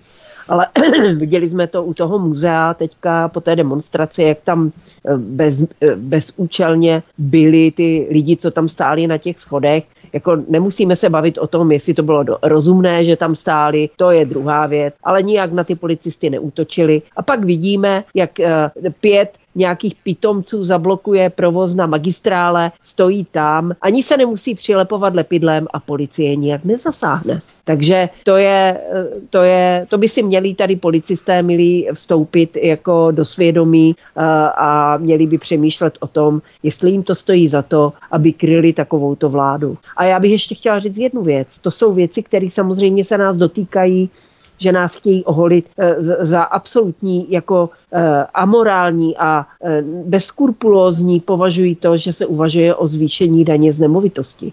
Protože si, si uvědomme, že lidi si koupili svoje nemovitosti za zdaněné peníze. A nyní je opět, a dobře, OK, no, no. nějaký malý poplatek, zůstávalo to v obcích, obce za to dělali chodníky, zlepšovali život v těch obcích, kde máte tu nemovitost, budíš, jo. Ale teďka vláda to chce celé těm obcím sebrat, jako. Takže, mm, takže by to šlo přímo do státního rozpočtu, to už je úplně jako nesmysl. Takže ale druhá... On to chce sebrat právě proto, aby měla vláda samotná kompetence protože... pro to zvyšovat a hýbat uh-huh. s tou daní Protože nemají jo. ty peníze. Nechý... Oni nemají prachy, Přesně. oni to Protože neumí, nemají. Rozdali všechno, rozdali to. Hmm. Nemají opravdu, jako, eh, nechci tady se zastávat jako minulých vlád Babišových, ale ten Babiš do covidu opravdu snižoval ten deficit a měl ten rozpočet v podstatě na nule nebo přebytkový. Takže minimálně protože e, e, umí jako hospodařit, nebo že prostě přemýšleli o tom, e, o, to, o, o, o těch tocích těch peněz. Jo? A to ještě zvládli dát důchodcům slevy na vlaky, který samozřejmě vláda hned zrušila. Že? A studentům taky, že jo? A studentům. No, no, no. Hmm. Takže to jsou, to jsou věci, oni opravdu to neumí. Jo? Ne. A, ale co je horší, a to je bohužel mor, který prostupuje celou západní Evropou, i když ta Česká republika jak jinak v tomto je také jako na čele. To je totální likvidace jakékoliv diplomacie. V tom konfliktu, který je Rusko-Ukrajina, tady to, to je neuvěřitelné, jak on, oni dělají všechno proto, aby žádné jednání nebylo možné. Ale co tím pro boha jako sledujou? Oni opravdu chtějí, aby tady byla třetí světová válka mm. a vůbec a tím, že ten Babiš se nestal tím prezidentem, tak opravdu tady už není žádná relevantní síla, která by tlačila tu vládu k nějakému rozumnému chování. Oni se chovají fakt jak ty rozmazlený hmm. děcka, který si vůbec neuvědomují důsledky toho, co, toho, co dělají. Jo. Ano, ten, aby tu agresu tak agresi tak nehrotili, že tak to myslíš. Ten Lipavský, ano. mu to vůbec, hmm. vůbec nedochází, ten Lipavský, že když on něco řekne, takže, takže co to bude znamenat. Jako. se pod, stačí se podívat na tu mapu. Nemusíte být fanoušek Ruska, nemusíte být fanoušek kohokoliv, hmm. ale podívejte se na Evropu a podívejte se na Rusko a Čínu. A teďka si řekněte, tak my opravdu chceme bojovat s Ruskem a s Čínou, se zeměmi, které mají jaderné zbraně. No tady ty lipánci chtějí, ano, to jsou takyž, to jsou arrogantní hlupáci, ti ano, ti chtějí. Jako mít, mít rozumné vztahy s těmito zeměmi neznamená, že jim musíte lézt do prdele a musíte se jim podřizovat. Přesně jako, tak. Hm. Takže e, ta likvidace, já jsem poslouchala rozhovor s nějakým, to jsem ani nevěděla, že takového novináře máme, nějaký pan Círuček. On má 91 let a byl to novinář, který, který eh, většinu svého profesního života prožil v minulém režimu v roce 54 nebo 56, byl na stáži v komsomolské pravdě v Moskvě a podobně ale on má strašně zajímavé životní příběhy a strašně zajímavé informace o tom, jak ty věci fungovaly tehdy, jak fungují. On se znal se všemi významnými politiky a podobně. A on mluvil o tom, jak eh, diplomacie vždycky fungovala. I když byla železná opona eh, a měli jsme tady studenou válku, tak eh, ty, eh, ti jednotliví představitelé těch vlád měli různé styčné důstojníky a neustále prostě byli v nějakém, v nějakém kontaktu. Nikdy to nebylo tak, jak je to teď, kdy ta diplomacie vlastně, eh, vlastně žádná není. Jo? To, je, to, je, to je neskutečné. Tak, nejenom diplomacie fungovala, samozřejmě fungoval i obchod, protože já o tom připravuju pořád někdy hmm. za rok až, protože musím načíst všechna fakta, ale probíhal neskutečný obchod i se stalinským Ruskem, se stalinským hmm. sovětským svazem mezi válkami. Po ruské revoluci v roce 1917 eh, přišel potom Josef Stalin od roku 24. Probíhaly obrovské obchody mezi Američany, desítky miliard a potom i v rámci druhé světové války nejenom Lend-Lease, ale i po druhé světové válce mezi Amerikou a Kanadou.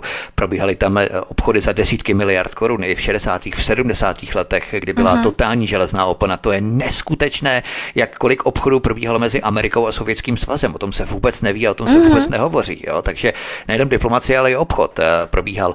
Nicméně to téma probereme po písničce, potom se podíváme i na další témata, jako je mobilní chudoba anebo fanatismus k cihle, což jsou dvě agendy a budeme právě hovořit o tom, proč je důležité nic nevlastnit a být šťastný, okřídlená fráze Klause Švaba a samozřejmě i v rámci daně z nemovitosti. To všechno budeme povídat po písničce. Od mikrofonu vás zdraví Vítek, spolu s námi našimi hosty zůstávají Míša Julišová, Eva Hrindová na svobodné vysílači anebo na kanále Odyssey. Hezký večer. Od mikrofonu svobodného vysílače anebo na kanále Odyssey vás zdraví Vítek. Spolu s námi našimi hosty zůstávají publicistka Míše Julišová, blogerka, nakladatelka Eva Hrindová.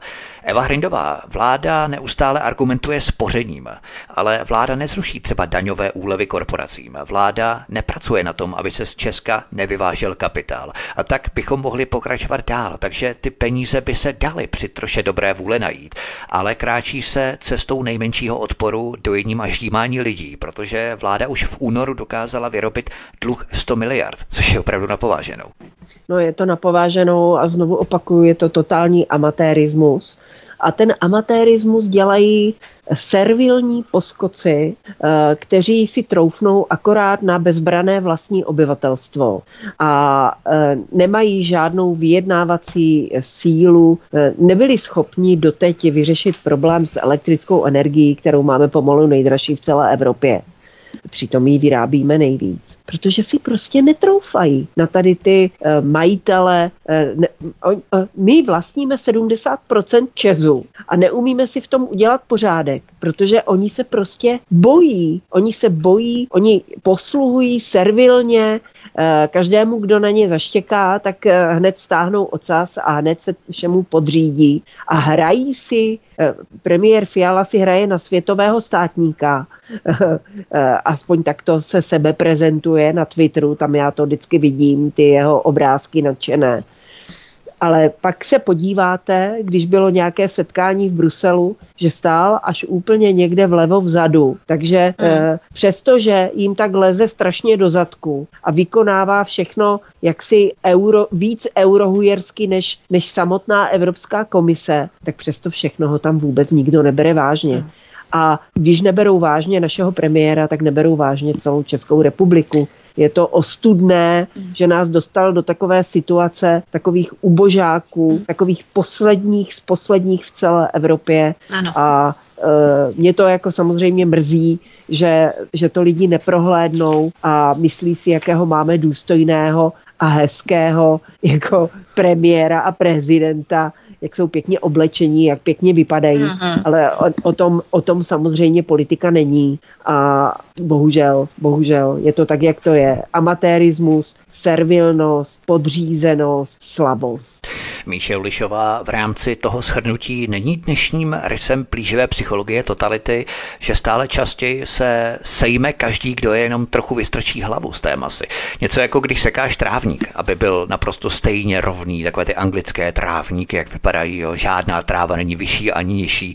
A dnešní psychologie totality je analogicky stejná jako ten trávník. Nikdo nesmí jakkoliv vybočovat. No tak jistě, jistě musí tam být jenom takový ti, takový ti velice poslušní, podržtaškové hlupáci, jak je teď líčila výborně Eva.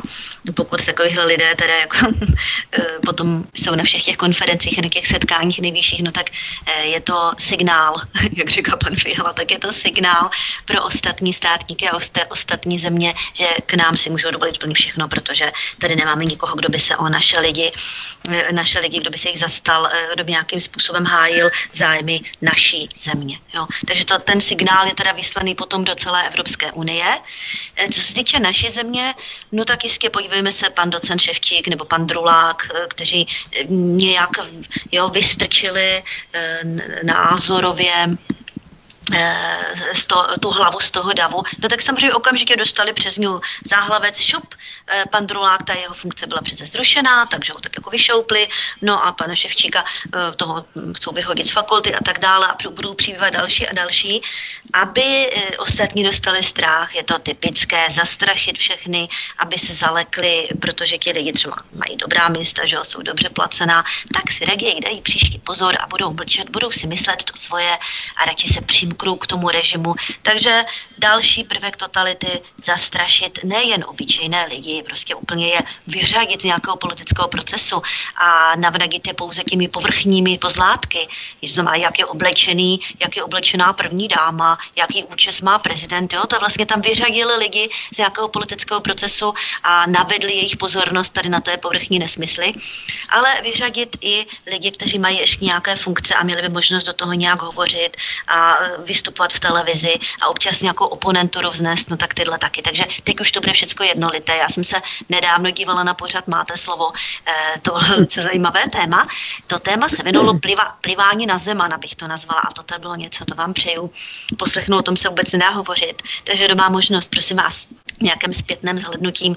Puste si minule, minulý díl, máte slovo, eh, byla tam i paní Jamila, to už je úplný blázen ten člověk, jo. To, to vypadalo jako, jako výjev z psychiatrie celkově, jako, a, jako bez pardonu. To, za to už jsem se fakt jenom styděla za ty lidi, co tam byli a co tam říkali.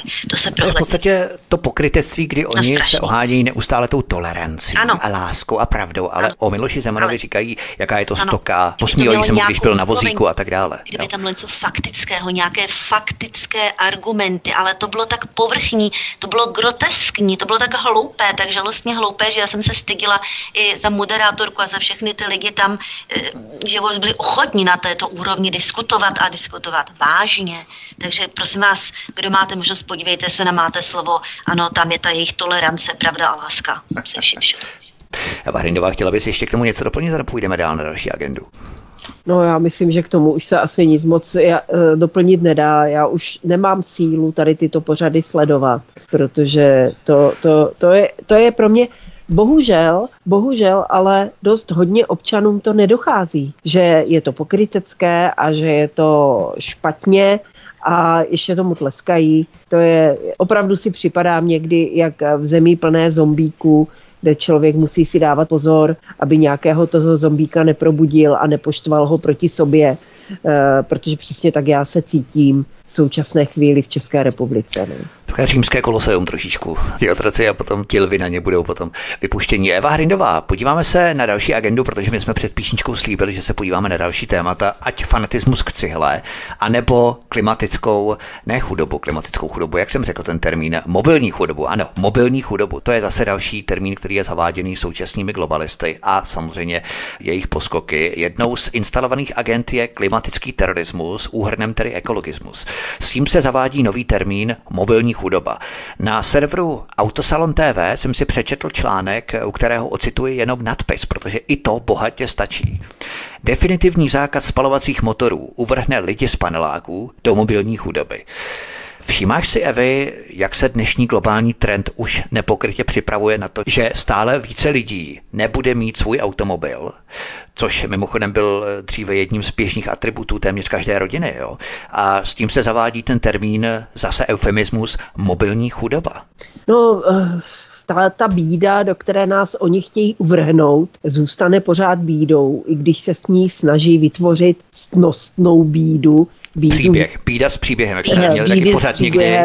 Ale eh, pořád je to jenom bída, je nesmysl, aby, aby my jsme ne, ne, neměli prostředky na to si pořídit vlastní bydlení a neměli prostředky na to, aby jsme si pořídili auto. Uh, to, je, to, je, to je propad životní úrovně o několik řádů, až někdy hluboko do nějakých 50. let minulého Spíš století. 20. 20. Já říkám 20. Sdílená bydlení a sdílené automobily 20. 20. 30. roky. A, no ne u nás. A to, to, takže jako ta bída, která ten západ uh, rozežírá zevnitř, je samozřejmě už viditelná. Ono stačí uh, se podívat uh, na nějaké dokumenty uh, z amerických měst, nebo já jsem byla třeba v roku 92 nebo 94 jsem byla ve Francii, procházela, měla jsem dost času, byla jsem dlouho v Paříži, eh, procházeli jsme i různá předměstí a byla jsem vlastně překvapena tím, jak, eh, jak, eh, jak to tam vypadalo a vypadá. A dneska to vidíme, jak ty slamy v Los Angeles a tady v těchto městech v New Yorku a podobně. Takže chystají, chystají na nás jako pěkné věci ale obávám se, že eh, bídu s příběhem z toho neudělají, eh, že spousta lidí bude naštvaných, když si nebude moct koupit auto. Týká se to hlavně lidí na vesnicích už teď je problém, aby si lidi koupili vlastní bydlení, protože na hypotéku nedosáhnou. A sama jsem zvědavá, jak, jak se to bude projevovat v budoucnosti. Jak na to budou lidi reagovat. Jestli to přijmou tady, tady ten plán.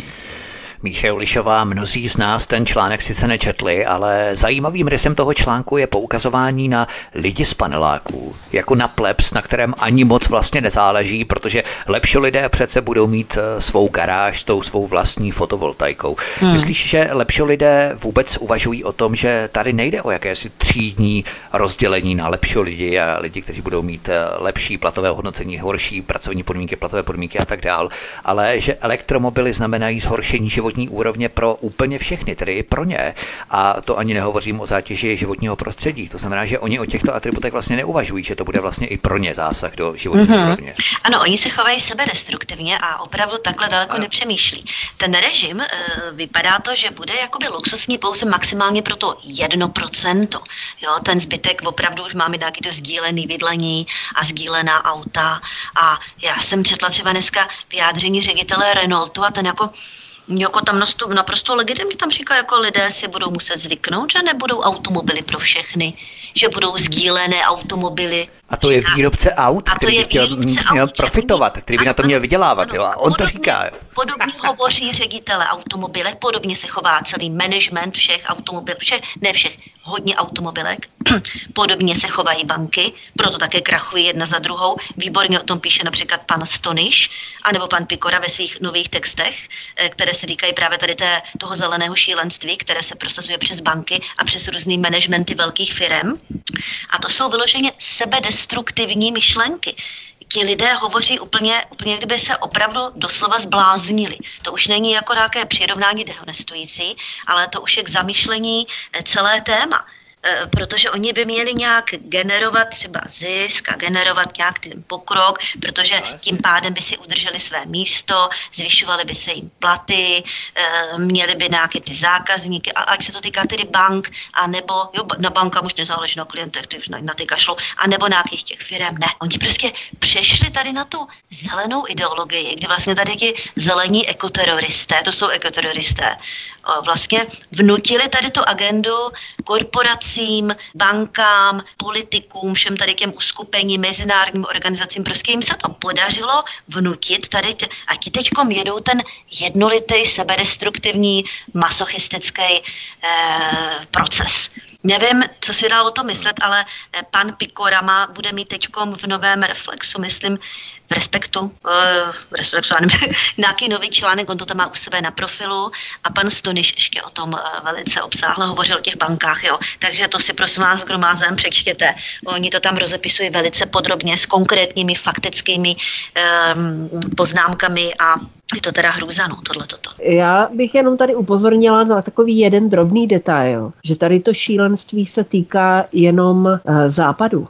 Eh, v Číně, v Rusku, v Indii tady tyhle ty věci vůbec neřeší. Neřeší je ani v Africe, ani v Jižní Americe a eh, v, v celé Asii, mhm. což je samozřejmě eh, větší část světa. A mě to samotnou bude zajímat, jak ten západ bude vysvětlovat svým občanům, že my tady musíme žít jako ubozí otroci bez možnosti eh, cokoliv vlastnit a eh, celý, v podstatě většina světa si hezky buduje nějaké, nějaké lepší životy pro své obyvatele a je to, je to, naprosto, je to naprosto neuvěřitelné. A v této souvislosti ještě vám řeknu jednu takovou věc, která mě zaujala Eh, byla jsem na takovém menším výletě, eh, jeli jsme přes Napajedla, eh, což je vlastně, tam je Fatra Napajedla a nějak to souvisí se Zlínem.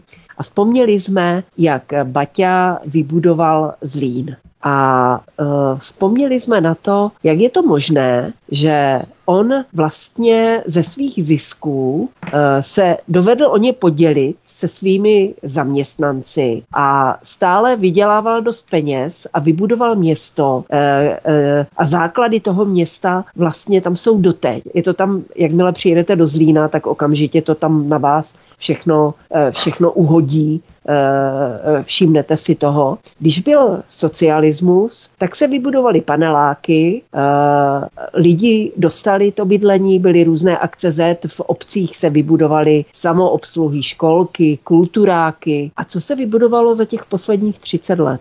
Přemýšleli jsme a na nic moc jsme si nedokázali vzpomenout. A to je výsledek 30 let. Není to moc dobrý výsledek. Není to moc dobrý výsledek a i dnes, když se něco vybuduje nebo něco opraví, tak to nese logo Evropské unie. My si nedokážeme ani opravit nějakou latrínu u lesa nebo nějakou cestu štěrkovou, aniž by u toho byla vysela cedulka financováno Evropskou unii, jo? nebo příspěvek nebo dotace Evropské unie. To znamená, že my si ani ty věci nedokážeme opravit za svoje. Dřív jsme to ještě stavěli, nejenom upravovali, ale i stavěli za svoje. Jo? A chtělo by, to, chtělo by to opravdu trošku pokory, protože když si uvědomíme, eh, že vlastně všechny přehrady, jaderná elektrárna, různé jiné další elektrárny, všechno se vybudovalo za minul...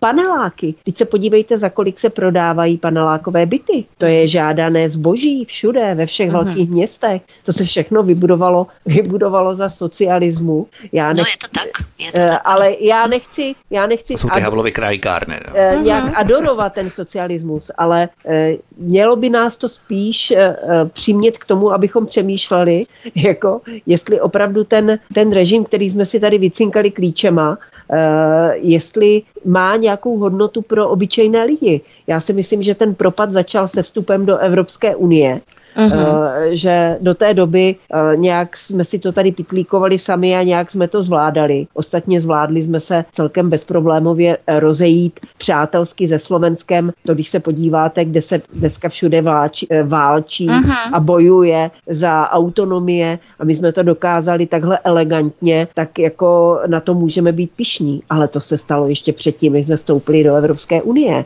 A ještě uh-huh. předtím, než si, na, uh, jak si drápy do nás zatěla, uh, zatěla Amerika a tady ten celý skvostný západ. Jako. Takže měli bychom o tom přemýšlet a měli bychom, měli bychom se nad tím zamýšlet. Já ještě jenom řeknu v této souvislosti, co jsem se dozvěděla právě od toho síručka, od toho novináře, že když bylo Pražské jaro a e, byla tady okupace v roce 68 od e, vojsk Varšavské smlouvy, tak Amerika to schvalovala a podporovala tu okupaci, hmm. protože jim se vůbec nehodilo do krámu, že by ten socialismus se ukázal jako režim, který je schopen lidem zajistit nějaké dobré živobytí. Mě moje máti říkala, že opravdu v těch 60. letech, že najednou bylo všude plno zboží, že ten život byl úplně, že ta životní úroveň se zvýšila a to se samozřejmě západu nelíbilo, protože by museli podobným způsobem oni tomu konkurovat e, vzhledem ke svým občanům. Takže... To je fakt, tehdy by byly soutěžící antagonistické režimy, nebo respektive názorové pohledy, socialismus, kapitalismus. Dnes už to tak není, když tady víme tu Čínu, že, kde je takový hybridní systém mhm. kapitalismu, socialismu, komunismu a tak dále, ale v podstatě dnes už to není. Dnes už v podstatě ty režimy nepotřebují s nikým soutěžit, tak jako právě výkladní skříň toho kapitalismu ještě před rokem 81 přes pádem železné opony a tak dále. Tehdy ještě bylo potřeba ukázat, že ten kapitalismus těm lidem nabídne ještě větší benefity než ten hnusný odpor odporný socialismus a v Rusku komunismus. Jo? Mm, ale, a teď už to není potřeba. Ale je to, ale pozor, to je právě ta, eh, ta chyba, že je to potřeba, protože podívejme se, jak se stavíme k Rusku a Číně.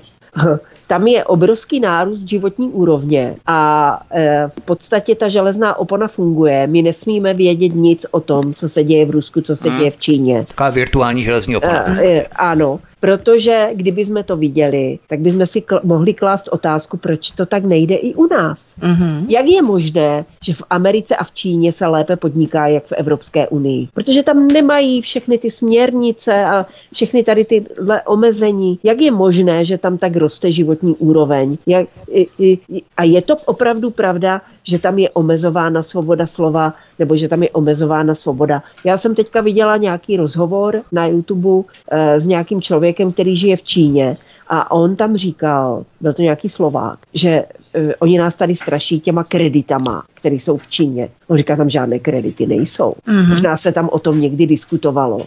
E, nějaké banky, nějaká velká banka tam má nějaké kredity, které ale fungují jako kredity, jako bonusy, nikoliv jako, že vás nějak omezují. Mm. Že Takže... to jako není celostátně, ale možná to e, funguje na Je to regionální nějak... záležitost, protože tak, měli nějak... jsme tady ta videa, kde to lidé ukazují v té Číně, jak to funguje, že vlak nepustí, nekoupí si lístek dále a tak On to, dále. já nevím, jako já nejsem, jo. my o tom víme málo, jo, Právě. protože Protože oni nám samozřejmě média sem pustí jenom ty informace. Takže v podstatě existuje ta železná opona a já si myslím, že je postavená tak, aby my jsme neviděli, jak to tam vypadá, aby jsme náhodou to nechtěli taky. Jo? Aby jsme taky... Já jsem teďka viděla video, eh, kde ukazovali, jak v Mariupolu za 8 měsíců postavili celé nové sídliště. To jsem viděla taky, no. Jo? Krásný. A vemte si, jak dlouho trvá u nás, než se uh-huh. něco postaví. A otázka je, kdo si ty byty může dovolit potom, že? Uh-huh. Takže eh, možná by to lidem začalo vrtat v hlavě. A my jsme se dostali zase, my jsme chtěli na západ, protože jsme tam viděli tu životní úroveň. A možná jsme se dostali oklikou zpátky že teďka nám brání vidět to, co je na východě, aby jsme si neuvědomovali, že my jsme na tom hůř, než to, co se děje na tom východě. Možná ještě před písničkou bychom to mohli shrnout tak v rámci poklesu a snižování životní úrovně, budování a tak dále. Tak eh, komparativně s listopadem 1989, tehdy, když lidé cinkali klíčemi, tak v podstatě měli tři klíče. Klíč od našeho bytu, klíč od našeho auta, nějaké Škodovky, Favorita a tak dále, 105. A od chaty.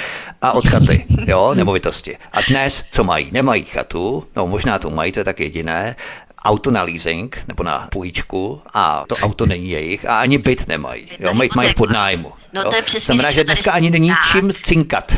Tak, tady spousta lidí se honosí, že má byt a auto a tohle, to mají na leasing a na hypotéku. To není jejich, té banky, jo. Takže jo. takhle, přesně tak. Hm tak a 20 let splácíš mm-hmm. hypotéku na byt, 19 yeah. let přijdeš mm-hmm. o práci a sklapne ti to banka, jo? A rok ti zbývá do splacení konečné hypotéky. Takže není to pořád jejich, je to pořád té banky, přesně tak.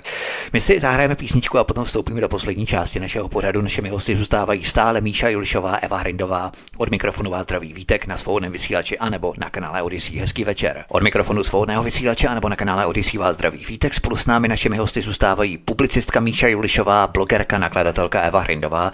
Míša Julišová Julišová, ono se říká, že lidé ve městech by na tom byli hůř, že veškeré zásobování přichází z venkova.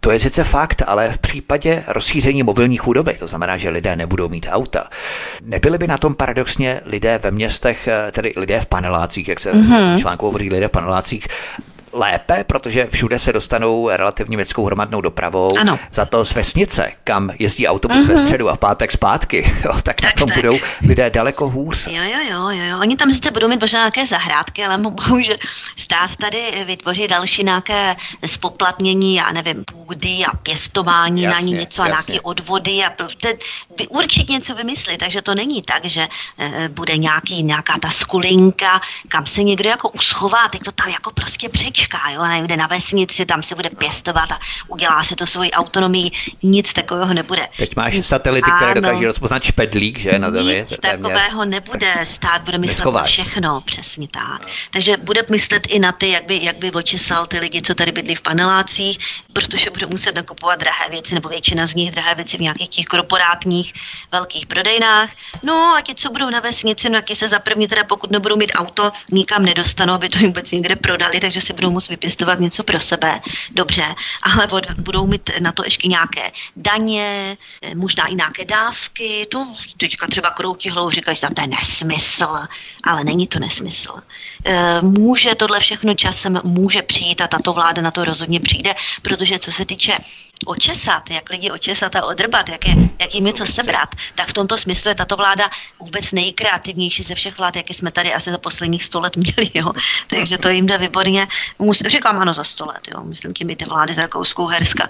Jo. Takže to jde opravdu skvěle. Takže mám obavu, že nebude žádná skulinka, kam by se někdo uschoval a nějakým způsobem si to ošéfoval jenom pro sebe nějaká autonomie. Na všecko se postupně eh, dojde. A na všechny. Eva Hrindová, takže po zákazu spalovacích motorů budeme dál jezdit jako zločinci v naftácích a to bude možná naše výhoda, protože policajtům v elektromobilech eh, po 100 kilometrech dojdou baterie, že? zatímco my v těch naftácích pojedeme dál, ujedeme jim. No samozřejmě, že lidem nedochází taková věc, že na co budou jezdit sanitky, na co budou jezdit hasická auta, jak, na, jak, budou, jak bude řešeno zásobování, jak budou jezdit kamiony, ale já bych jenom tady chtěla říct jednu věc, že samozřejmě každá akce vyvolává proti akci. Tlak vyvolává proti tlak. A já to vidím už dnes, že lidé, kteří byli ochotní a schopní a připravení poslouchat, tak už začínají rebelovat, aspoň teda v tom, že uh, neposlouchají všechna nařízení, která výjdou od vlády. Bylo to vidět, uh, když vyšlo nařízení že slepice nesmí chodit ven, musí být v krytých kurníkách, protože je tady ptačí chřipka. A stačilo se projet někde po vesnici a e, opravdu nikdo se tím nějak nezatěžoval a nikdo své chovy slepic nějak neupravoval a nevytvářel pro ně nějaké kryté voliéry nebo něco podobného nesmyslného. Takže lidi už toho začínají mít dost, už si prostě žijou ty svoje životy jaksi odděleně od té vládní moci. A jestliže tady se bude zatěžovat, všechno bude zatěžovat pěstování na polích a podobně, všechno půjde na černo, vznikne tady velká zase šedá ekonomika, bude se bártrovat ve velkém, já vidím už dneska, že posilujou, uh, uh, posilujou různá malá zahradnictví, uh, různé malé tady prodejny farmářské a podobně, protože ty lidi už začínají měnit svoje nákupní chování, aspoň doufám, minimálně tedy, minimálně tedy ty, ty farmy které jdou tímto směrem, tak se to naučili v tom systému eh, a dokonce jsem, eh, jsem včera poslouchala rozhovor s nějakým sadařem, který říkal, že zrušili, že neberou žádné dotace, že jsou soběstační a že nepotřebují, ale samozřejmě i tak eh, je otravuje státní moc, hygiena a podobné kontroly, to, to, to bez pochyby, ale už tady vidím, že tady vzniká takové nějaké podhoubí uh, různých farem, různých jako bartrových obchodů, uh, místních obchodů, takže já bych... Se... Ale to, jak říkala Míša, oni spoplatní půdu nebo nějaké pěstování a tak dále v rámci satelitů pozjišťují, jaké ty farmy vlastně jsou, kolik kdo platí, neplatí, takže předtím se v podstatě jako neschováme, jo, v nějakém dlouhodobějším horizontu, jo. Ono to sice teď, třeba jaké východisko, jak říkáš, je to super, ale oni to spoplatní, nebo nějakým způsobem se na to došlápnou, no, jo, ty vlády. No, zřejmě ano, pravděpodobně touto cestou půjdou, ale je otázka, jak moc, jak moc si to nechají lidi líbit, jo, že já si nemyslím, že by Češi jsou docela jako eh, se umí podvolit, ale eh, vzpomeňte si třeba, jak to fungovalo za protektorátu. Ano, podvolili jsme se na oko, ale eh, bylo tady docela silné jako odbojové hnutí, dělali se různé podvratné akce. Jako já si myslím, že ty lidi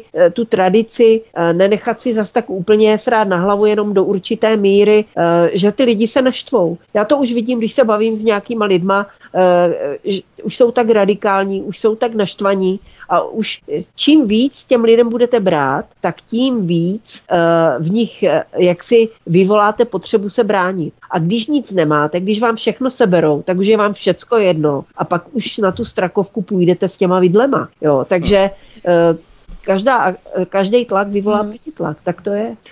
Doufejme, že po těch 80 letech po protektorátu máme to, řekněme, národní sebeurčení ještě tak stále silné jako během toho protektorátu, protože se obávám, že národ je jakýsi atribut, který je značně archaický a už není tak silný v rámci bránění toho národa. Doufejme, že to tak v těch lidech zažehne, ten maják pochodně bránit ten národ a bránit si své hodnoty.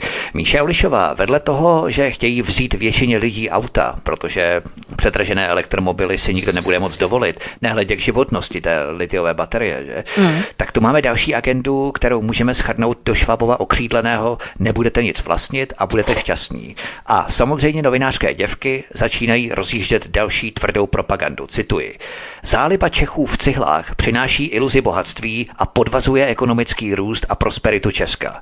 V tuzemsku vládne doslova fanatismus vlastnického bydlení. Kdo nebydlí ve svém, cítí se nejistě a téměř nesvůj a žije v obavách z budoucnosti. Konec citace.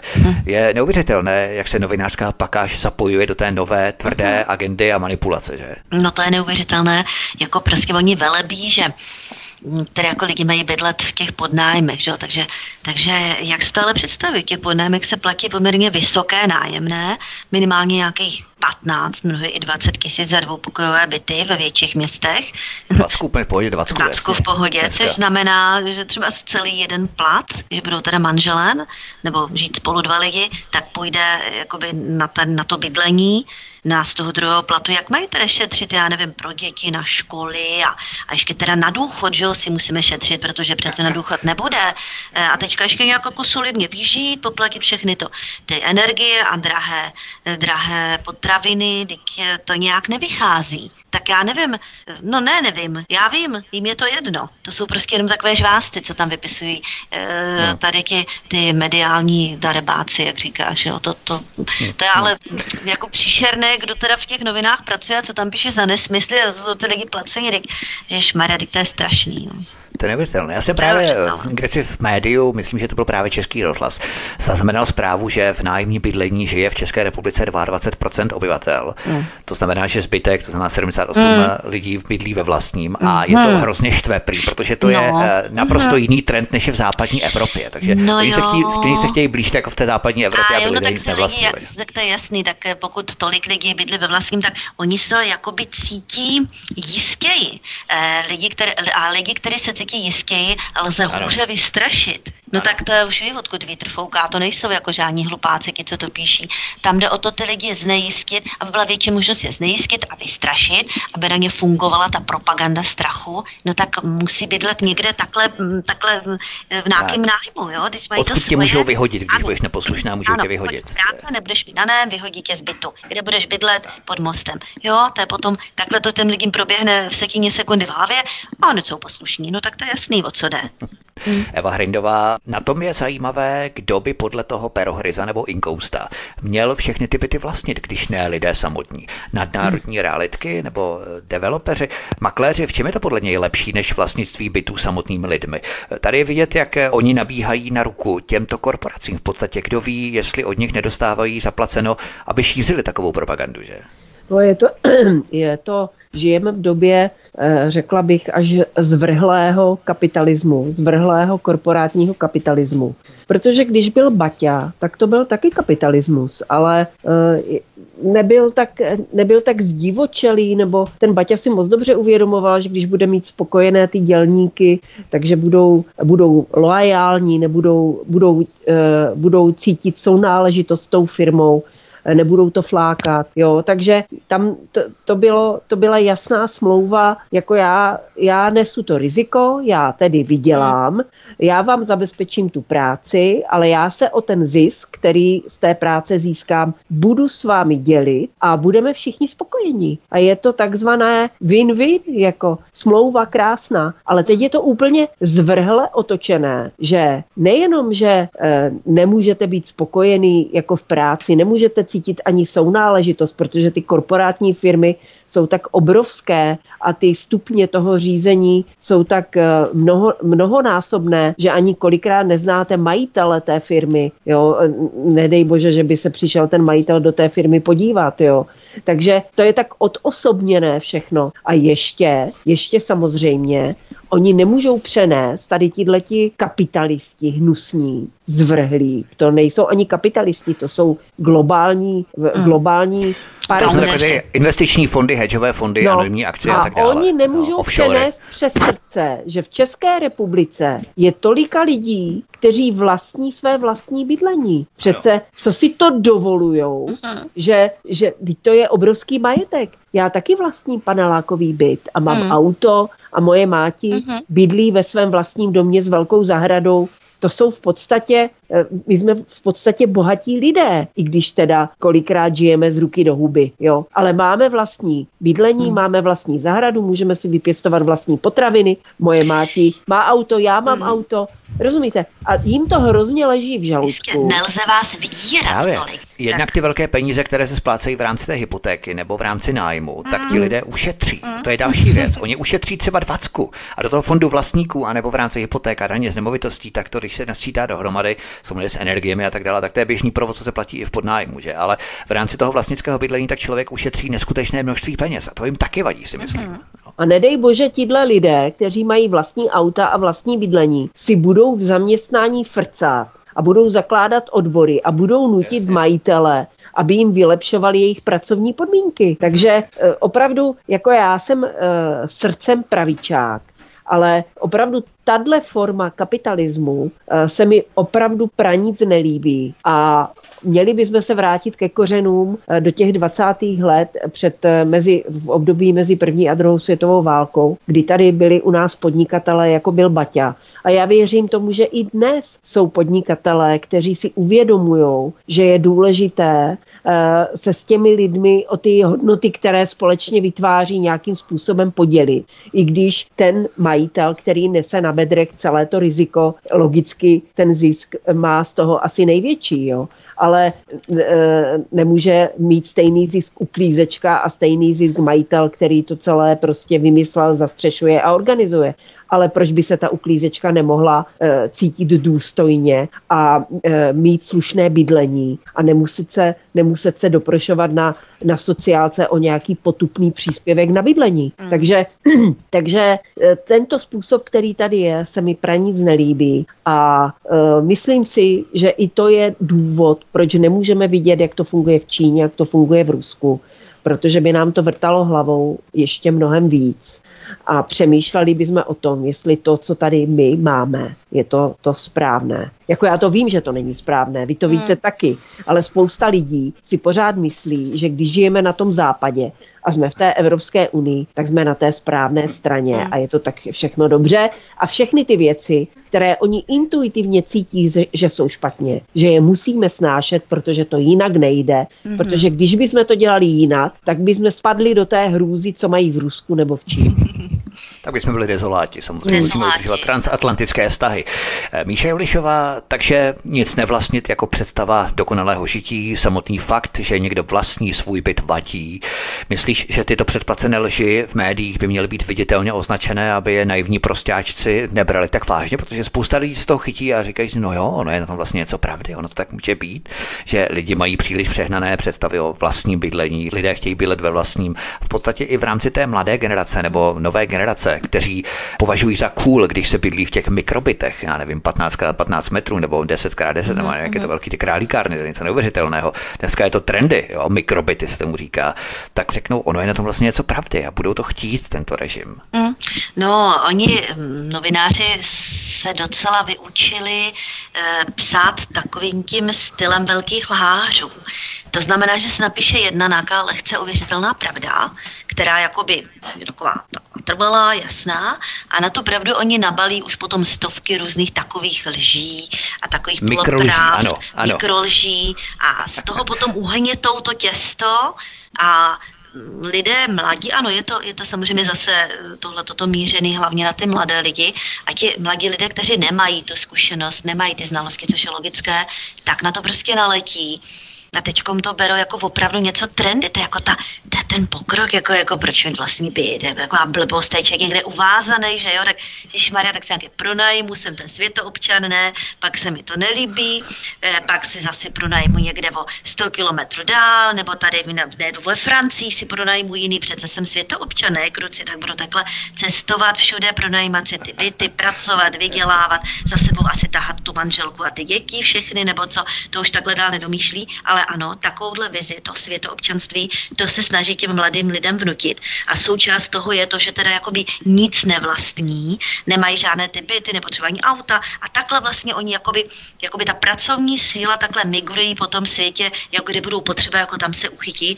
Samozřejmě to, to pěkně o tom mluvil už kdysi dávno, pozor, pan profesor Keller. To je ta prekarizovaná práce, to je ta nejhorší, co existuje. Jo.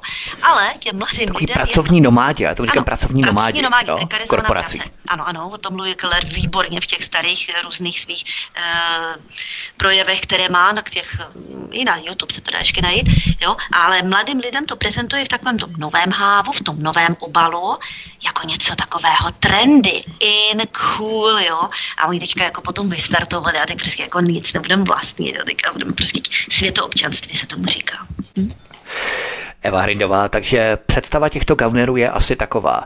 Makat, pak šup nakoupit předražené odpadkové potraviny, potom návrat na ubikaci do podnájmu, se najíst, zaplatit předražené energie, předraženou energii a spát. A zítra zase šup makat a znova a pořád dokola, pokud bude v lepším případě kam a pořád stále dokola. To má být perspektivní budoucnost podle představ lepších lidí nebo mass médií?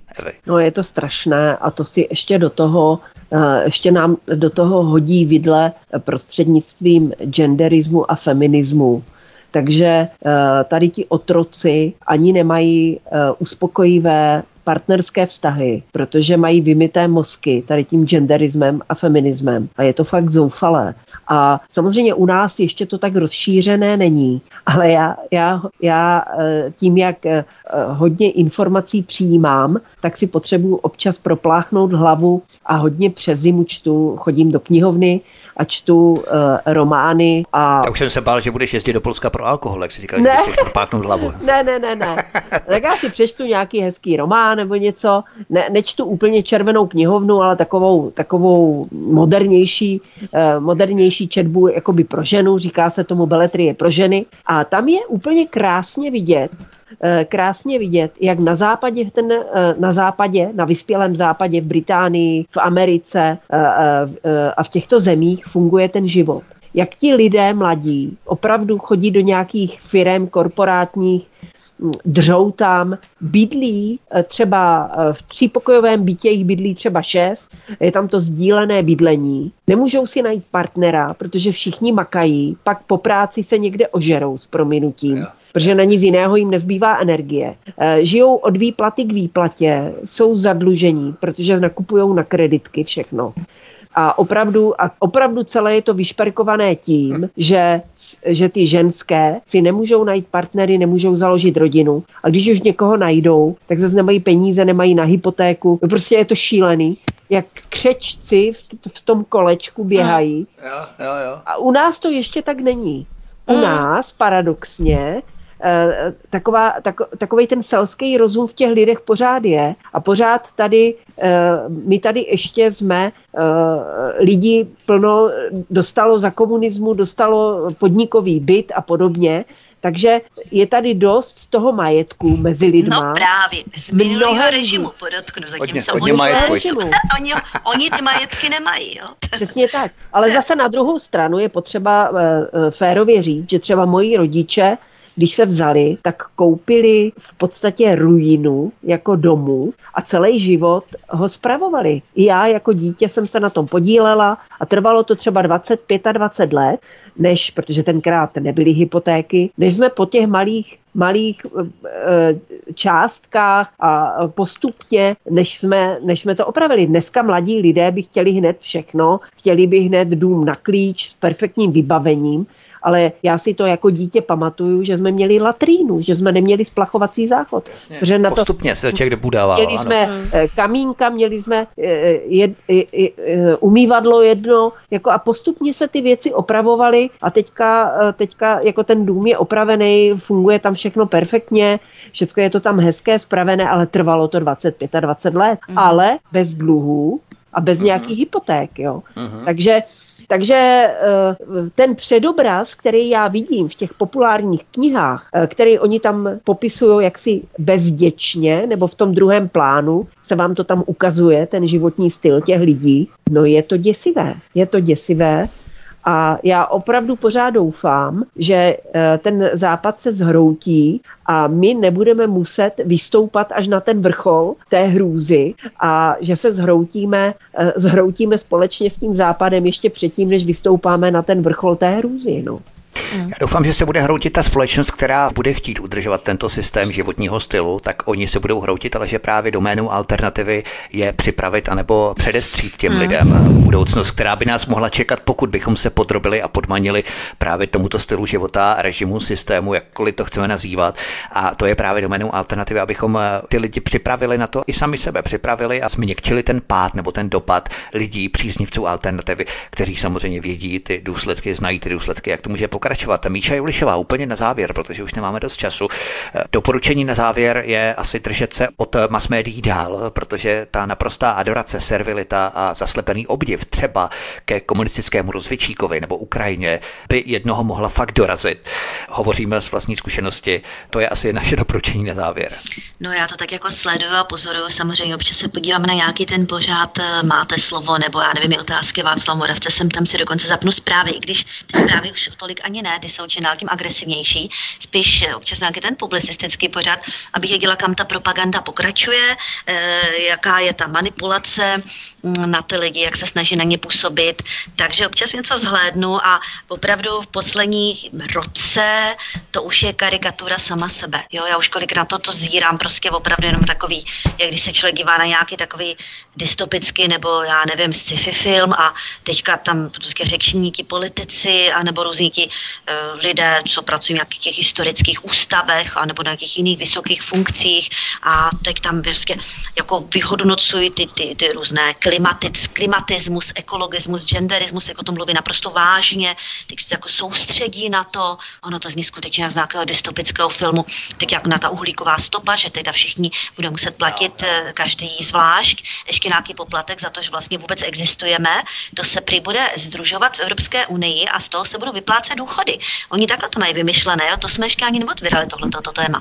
Že vlastně nejenom firmy, ale každý jedinec bude mít jakousi daň uhlíkovou, to se bude soustředit a z toho se pak prý budou vyplácet nějaké takové minimální důchody pro lidi. Ano. A všichni budeme poslouchat no. a pokud budeme neposlušní, Evropská unie nám ty důchody nevyplatí. Ano, no, ano, tak samozřejmě. To je vlastně ten blízké. režim, jak oni to vlastně no, plánují. No, jo? jako postupně k tomuhle chtějí dojít. Jo? A ty nájemné byty, a to, jak mluvila Evan, tak to je to světoobčanství. Člověk se má stěhovat tam, kde kapitál potřebuje jeho pracovní sílu. Takže ne, že tam bude mít někdo postavený baráček. Někde prostě v podnájmu, eh, v nějakým tři pokojáku, šest lidí bude bydlet, šup, firma skončí, přestěhovat se 250 km dál, tahnou tam asi děti, no děti s těma už se asi nepočítá, žádné děti nebudou, šup nastoupit jako pracovní síla, světoobčan, jo, to je ta, to, ta prekarizovaná práce, ale to je teda hrůza tady tohle, to, to je prekarizovaná práce v novém takovém skvostném hávu. Finišujeme, žádný čas už nám bohužel nezbývá, takže já se rozloučím s publicistkou Míšou Julišovou. Míšo, moc děkuji za zajímavé, velmi podnětné, inspirativní povídání. Doufám, že nejenom pro nás, ale i pro hlavně naše posluchače, kteří nás poslouchají a kteří i komentují pod eh, pořadem na kanále Odyssey a nebo na vašich eh, sociálních profilech. Míšo, moc děkuji, mě se hezky, ahoj. Ahoj, já taky děkuji moc za výbornou zajímavou diskusi a posluchačům přeji příjemný večer a budu se zase někdy příště těšit. Druhým hostem byla blogerka, nakladatelka Eva Hrindová. Evi, moc děkuji taky za povídání, mě se hezky a za měsíce těším na slyšenou. Ahoj. Já se loučím taky se všemi, bylo to zase, zase fajn a těším se na příště. Tento i ostatní pořad si, milí posluchači, stáhněte buď na našem webu svobodného vysílače CZ, nebo případně na podcastu. Odebírejte podcast na Apple, Spotify, systémech Android nebo iOS, to nevadí, jakýkoliv chcete, jakýkoliv používáte. A nebo prosím sdílejte tento pořad nejenom z podcastu, ale i na kanále Odyssey. Z kanálu Odyssey kliknutím na tlačítko sdílet a také odebírejte tento kanál tlačítkem odebírat a zvoneček. Symbol zvonečku zapnout notifikace odebírání, abyste nezmeškali i další pořady, které pro vás chystáme tady u nás na svobodném vysílači. Od mikrofonu vás zdraví Vítek, mějte se všichni moc krásně a příště se s vámi opět těším na slyšenou. Prosíme, pomožte nám s propagací kanálu Studia Tapin Radio Svobodného vysílače CS. Pokud se vám tento nebo jiné pořady na tomto kanále líbí, klikněte na vaší obrazovce na tlačítko s nápisem Sdílet a vyberte sociální síť, na kterou pořad sdílíte.